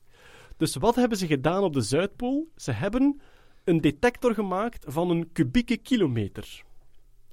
Ingesmolten in het ijs. Dus in het ijs hangen er allemaal lichtdetectoren over de oppervlakte van een kubieke kilometer, kilometer diep en dan een vierkante kilometer breed, die die blauwe lichtflitsen opvangen en die dus kunnen zien wanneer er een neutrino binnenkomt. En daar hebben ze in 2017 een zeer hoog energetisch neutrino zien binnenkomen. Ze konden er ook de richting van bepalen. Dus ze zagen van kijk, dat komt van dat punt in de hemel. En dan gaat er een automatische e-mail naar alle andere telescopen in de wereld. Die zeggen, we hebben iets interessants gezien op dat stuk van de hemel. Al die andere telescopen die richten zich daarop. En die hebben daar een blazar gezien. En een blazar is dus een zwart gat waar uit de polen van dat zwart gat komen twee gigantische jetstralen van deeltjes. En dus het grote nieuws was, we hebben een nieuwe neutrinobron in het universum, namelijk blazars. Dus hele zware zwarte gaten. Ik denk tussen denk een, een miljoen keer de zonnemassa, zoiets. Hele zware zwarte gaten met jetstreams uit de polen, die sturen nu neutrino's rond. Ja, en wat blijkbaar die lichtflitsjes had ik gelezen, dat is niet het neutrino zelf, maar het neutrino beweegt aan de lichtsnelheid, maar in...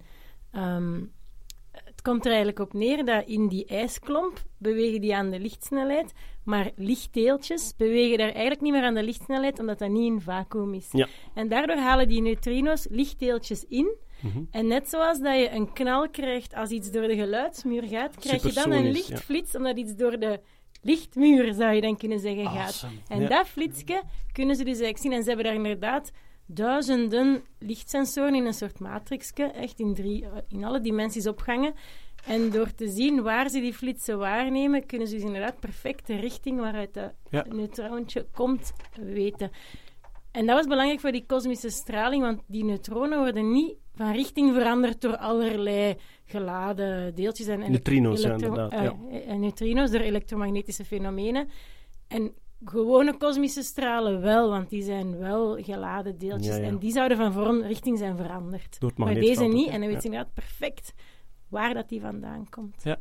En dus er zijn allerlei telescopen die zich gericht hebben naar dat punt en die hebben daar een Ja. blazar gezien die, die zeer actief was en dat is gedetecteerd. Maar, zij Wart ook, er zijn andere blazars die ze weten staan aan de hemel waar geen neutrino's uitkomen. Dus het is, het is nog altijd een groot raadsel en er valt nog veel op te lossen. Nu, die, die Ice Cube detector die staat dus op de geografische Zuidpool. Dus echt op het puntje waar de aarde rond haar as draait. En een klasgenoot van mij in de fysica heeft daar overwinterd. Dus die, die heeft een hele winter lang... Slechtste huwelijksreis ooit. Maar die is een hele winter lang op de geografische Zuidpool geweest, specifiek om die Ice Cube detector in de gaten te houden. Freya heet ze trouwens. Dus mocht ze luisteren, Freya, fantastisch gedaan. Maar ik denk niet dat ze luistert, want ze is nu een soort ingenieur-fysicus in, in de States, in Amerika. Dus ja, zwart. Ehm, goed, dat is op de geografische Zuidpool. Ehm, in de winter kunnen daar geen vliegtuigen landen, omdat daar veel te koud is. En dus als een vliegtuig daar landt, is het risico veel te groot dat dat vastvriest eh, de motoren op de landingsbaan zelf. Dus op een bepaald moment wordt Freya daar afgezet met een vliegtuig en wordt daar verteld: de volgende vlucht terug naar het vasteland is over negen maanden. Negen maanden complete isolatie, waarvan zes maand donker. Zes maand zonder daglicht. En dus twee generatoren die daar draaien en waarvan dat je hoopt dat ze het alle twee uithouden, want als ze alle twee stilvallen, is iedereen dood. En daar zit dan 80 man, negen maand, geïsoleerd, wetenschap te doen op de geografische Zuidpool. En wat ze altijd doen in de lente, dus het moment dat terug licht begint te worden, houden ze een soort ehm, race van alle tijdzones. Dus rond, er staat echt een paaltje op de geografische Zuidpool en dan in een straal van 800 meter er rond rijden ze zo snel mogelijk door alle tijdzones van de wereld. Ja, als een soort eh, aparte raceje. Maar goed, Ja. ja. ja. Het, is, het lijkt mij een geweldig, ehm, een geweldig aparte plek. Oké, wat hadden we nog staan? Eh, Engeland gaat zijn eigen lanceerplatform voor raketten bouwen. In Schotland, als In ik me niet Schotland, vergis. zo Ja. waar. Ja, het- ik vond het een heel bizar verhaal. Eh, blijkbaar hebben de Engelsen een beetje meegedaan met de space race. Maar ik denk niet dat het voor raketten is. Het is voor Jawel. kleine satellietjes. Ja, oké, maar om die te Oh, lanceren, ja, ja, om die echt ja, in, in, een baan rond de maar aarde is, te brengen. Het is, het is voor niet zo'n hele grote, gigantische dingen. Nee, ze gaan inderdaad microsatellieten. Nanosatellieten. Nanosatellieten, Nee, zeg niet zomaar micro tegen me. Nanosatellieten. Nano is bullshit. Nano is bullshit. Ja. Oh, ik zou willen dat het geen Musk-quote was, maar ja. Het is Goed. er. Eh, ja, het doel is om eh, daar satellieten te kunnen lanceren vanaf 2020. Eh, en eh, ze willen een dominantie over de nanosatellietmarkt, wat dat blijkbaar een, Ah, een up-and-coming markt is om kleine kubusjes de ruimte in te knallen. Ja, oké, dat, is, dat is inderdaad... Allee, er zijn steeds meer nanosatellieten die vooral meegestuurd worden met grote. Hè. Ze sturen zo'n grote satelliet en dan hebben ze zo wat ruimte in die payload en daar worden dan kleintjes ingestoken. Want ik denk nanosatellieten, ik denk dat een kubiek een decimeter is ongeveer. Kan, het is niet groot. Ik heb eh, Ja. maten van bij mij in de, op de NIF vroeger, die, die hebben zo'n nanosatellietbedrijf en je kunt dat inderdaad comfortabel in twee handen houden. hè. Ja. Maar het is dan wel kapot en je hebt dan wel enkele honderd Ja, je mocht er niet met je euro. handen aankomen. dat, is, inderdaad. eh, het zijn mijn vrienden niet meer, ik, om obvious reason. Maar meestal liggen, liggen lanceerplatformen dicht bij de nevenaar, hè, omdat de aarde daar, daar, het aardoppervlak daar sneller draait en dat je eigenlijk die, ik denk 1600 km per uur is dat, dat de aarde daar draait. Ja, 40.000 kilometer gedeeld door 24, daar komt het op neer. Waardoor dat je die snelheid al mee hebt. Eh, maar nu bouwen ze er eentje in, in Schotland en blijkbaar na de Tweede Wereldoorlog wou Engeland zich zo'n beetje als kleine broer gaat de Russen en de Amerikanen die alle rakettechnologie van de Duitsers gepikt hebben, die alle topwetenschappers mee hadden.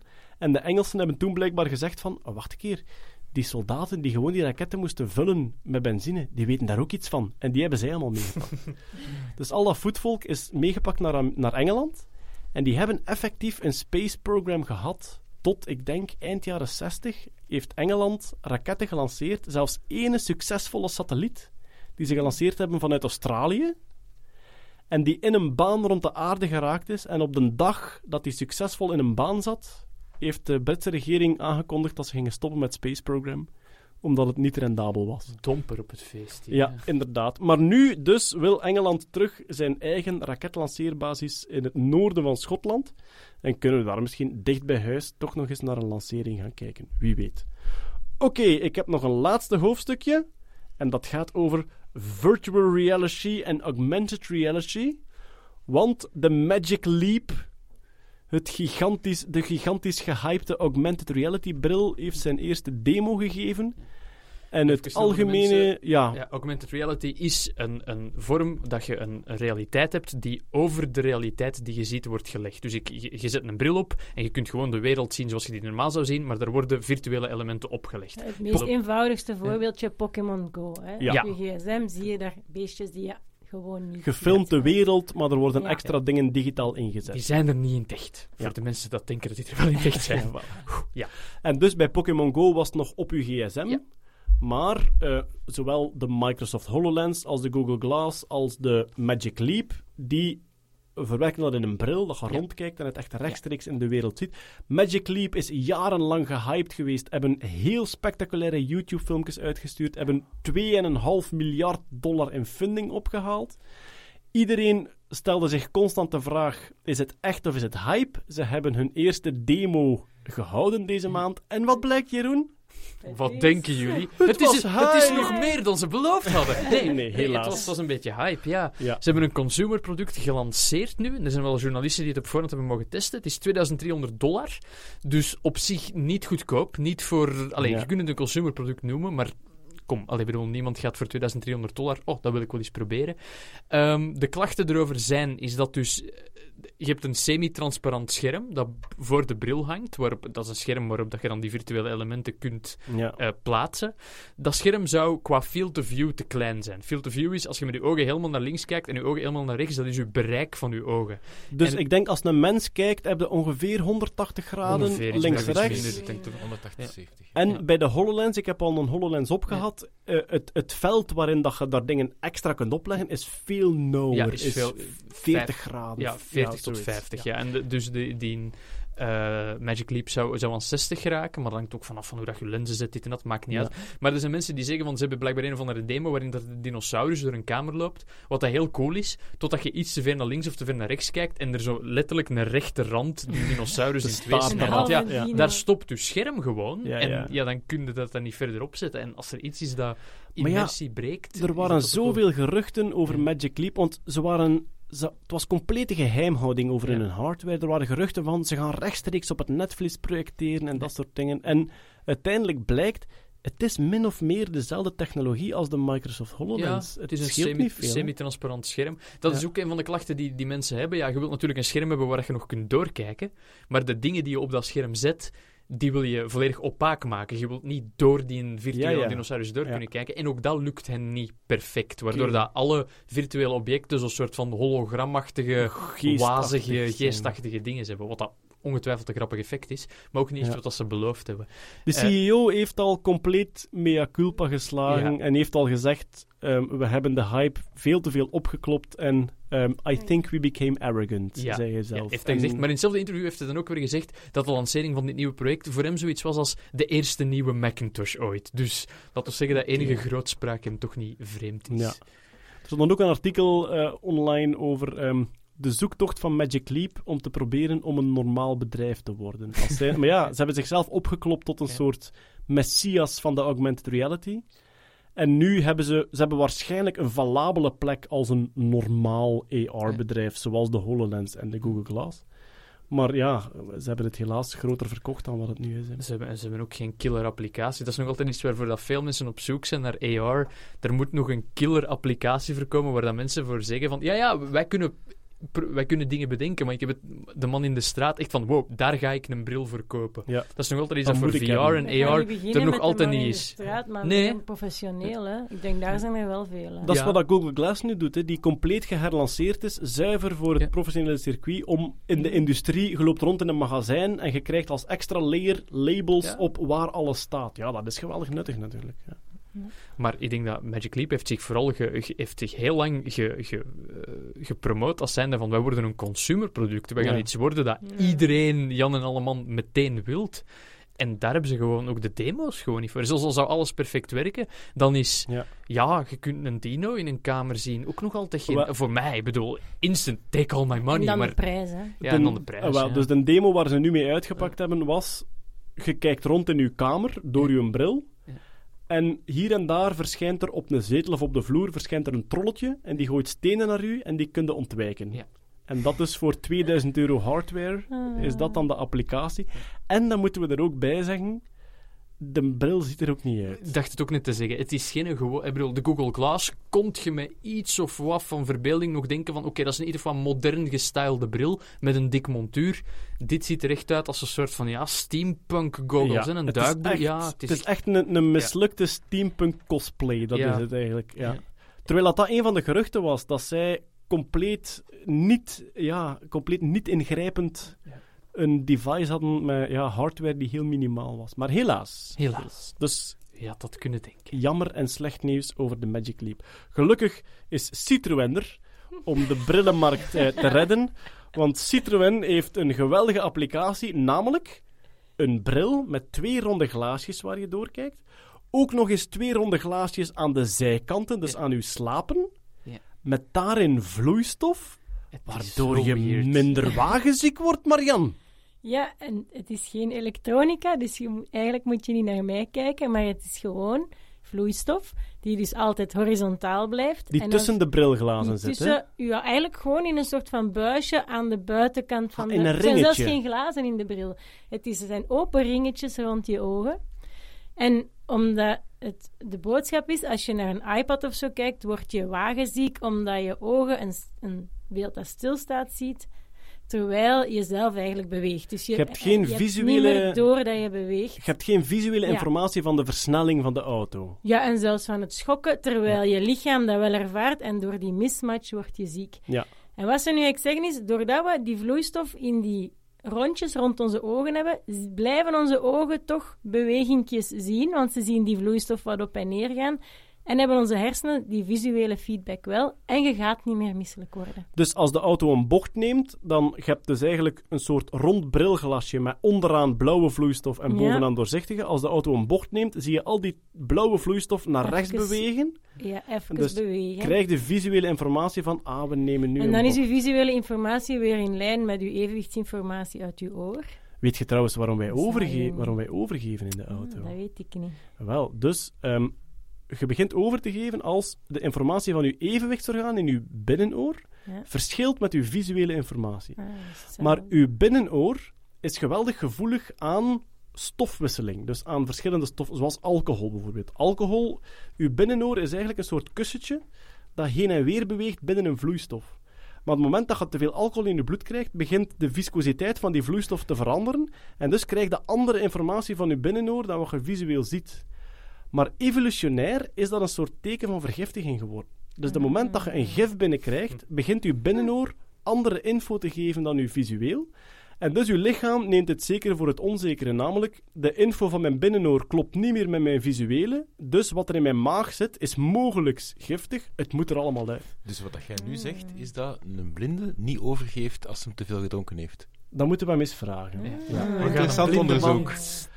Ik, denk, ik denk dat, want bij, bij blinde mensen heb je heel vaak dat hun ruimtelijk bewustzijn compleet ingevuld wordt door andere gegevens. Dus- Auditief dan bijvoorbeeld. ja, dus die Ja, hebben, ja. maar ook, ook gevoel van uw voetzolen Ja. of gelijk wat. Dus die hebben een, een ruimtelijk bewustzijn. En als dat opeens verschilt met wat een Ja, zal doet. inderdaad- Maar ik vind het een heel boeiende vraag. In Ja. welke mate is dat zij wagenziek... als er een blinde luisteraar is. Ja, dus Mail blind- ons. onze blinde luisteraars, als jullie wagenziek worden of eh, van dronkenschap, of als je je moeten overgeven van andere eh, kermisattracties, vinden wij dat heel boeiend om dat te horen. Omdat inderdaad. eh, Toen te mij denken aan voor die, die eerste Oculus Rift DevKit, we hadden die op het werk vroeger.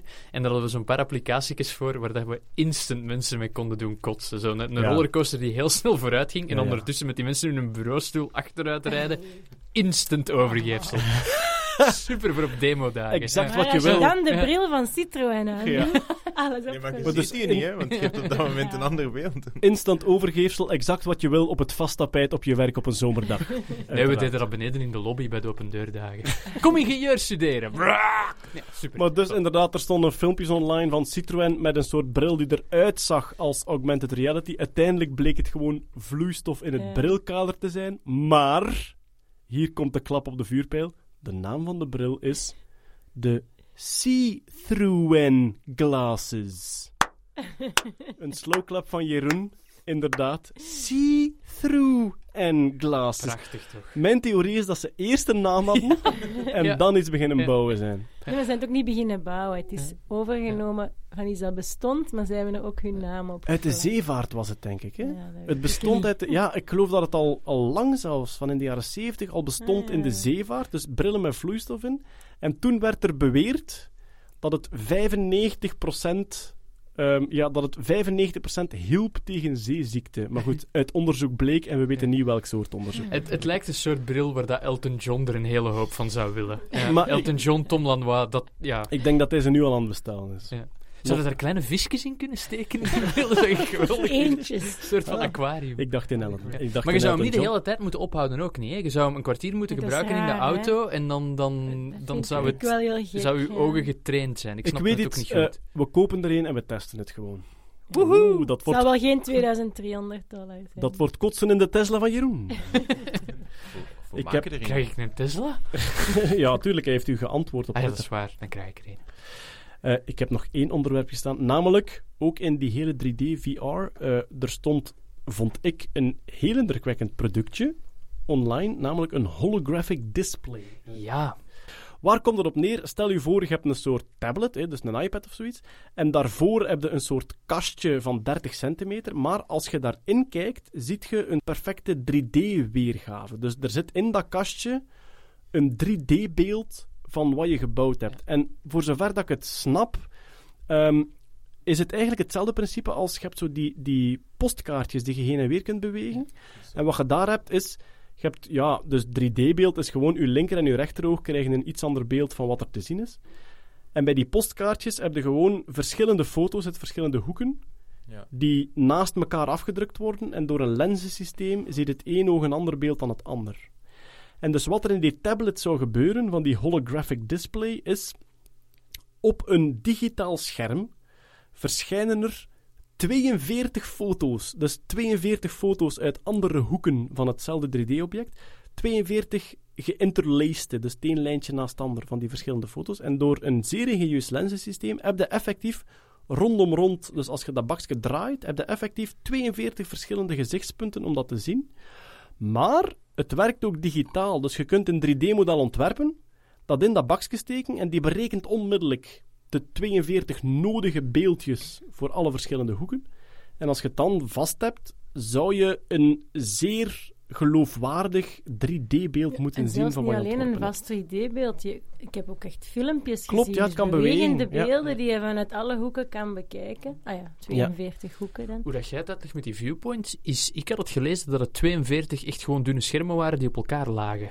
42 En ik had gelezen dat een combinatie van de Ja, twee misschien was. is het Oh, een er eerste- stond dat het, een, dat, een, ehm, dat het zowel inderdaad de richting van de lichtstralen beïnvloedde, Ja. als dat het eigenlijk een, een multiview, dus eigenlijk laagjes achterin. Dus ik denk dat ze, dat ze heel veel viewpoints creëren door zowel schermpjes achterin, als dan de richting waarin elk schermpje kan zenden. Want zo, werken, zo werken brillenloze 3D-tv's. hè. Die werken maar als je op één specifieke locatie voor de tv zit. En Ja. dat zijn inderdaad verschillende beelden geïnterlaced die naar je oog geworpen worden. Want als je Ja. daar te schuin op kijkt, dan verbreekt je de illusie, bij wijze van Oké. spreken. en hier kon het ook met mul- multi-user, dus met verschillende mensen tegelijk naar Ja. hetzelfde kijken. Maar dus, ehm, eh, om te recapituleren, van één ding zijn we zo goed als zeker, namelijk als je de bak vasthoudt, heb je 42 verschillende hoeken om erin te kijken, waaruit dat je een ander beeld krijgt. Ja. En die zijn allemaal zodanig berekend dat dat klopt met het, de 3D-weergave. Alleen weten we nog niet hoe dat een hardware precies Nee, zit ja. om die 42 hoeken de te bak had ook een zekere diepte, dus er is Ja, zeker, ja. het is, het is Ja. geen platte tablet dat je vast hebt. Nee, nee, het is geen klopt, scherm, eh, dingen, dus het, is, Ja, het ja. als je dan van boven of van onder kijkt, dan werkt het Nee, niet. nee. Nee. Het ik denk inderdaad rechts. dat je horizontaal Ja. links en rechts moet kijken. Het is, ja, echt, het is echt een schoendoos met een bovenkant eraf waar dat je in kijkt. Maar het was, Maar- op, het was op Kickstarter, hè? dus je kon nu voor 420 euro kon er nog eentje bestellen en je zou het in december hebben.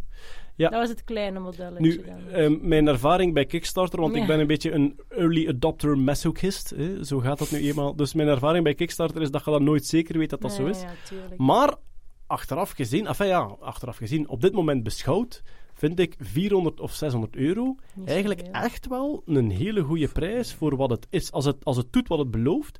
En de recensies zeggen echt dat het zeer indrukwekkend is als je het vast hebt. Dat je echt het gevoel hebt, ik heb nu een aquarium vast, waarin dat mijn 3D-object hangt zoals ik het ontworpen heb op de computer, of zelfs het filmpje, dus dat je dat echt ziet. Dus toch iets om in de gaten te houden, de holographic display. Ik denk dat we er door zijn. Ja. Heel erg bedankt, dames en heren, om te luisteren tot hier. We hopen dat jullie het iets cooler hadden bij het beluisteren dan wij bij het opnemen. Ik dank uiteraard iedereen hier rond de tafel, namelijk Kurt Beheid, Yay. Hetty Helsmordel, Met veel plezier. Peter Berks, Met graagte. Jeroen Baer, Mail me, Elon. Marian Verels Dag. en Els de geluidstechnieker, waardoor het geluid eindelijk. Bedankt voor het luisteren en tot volgende keer. Dag. Dag.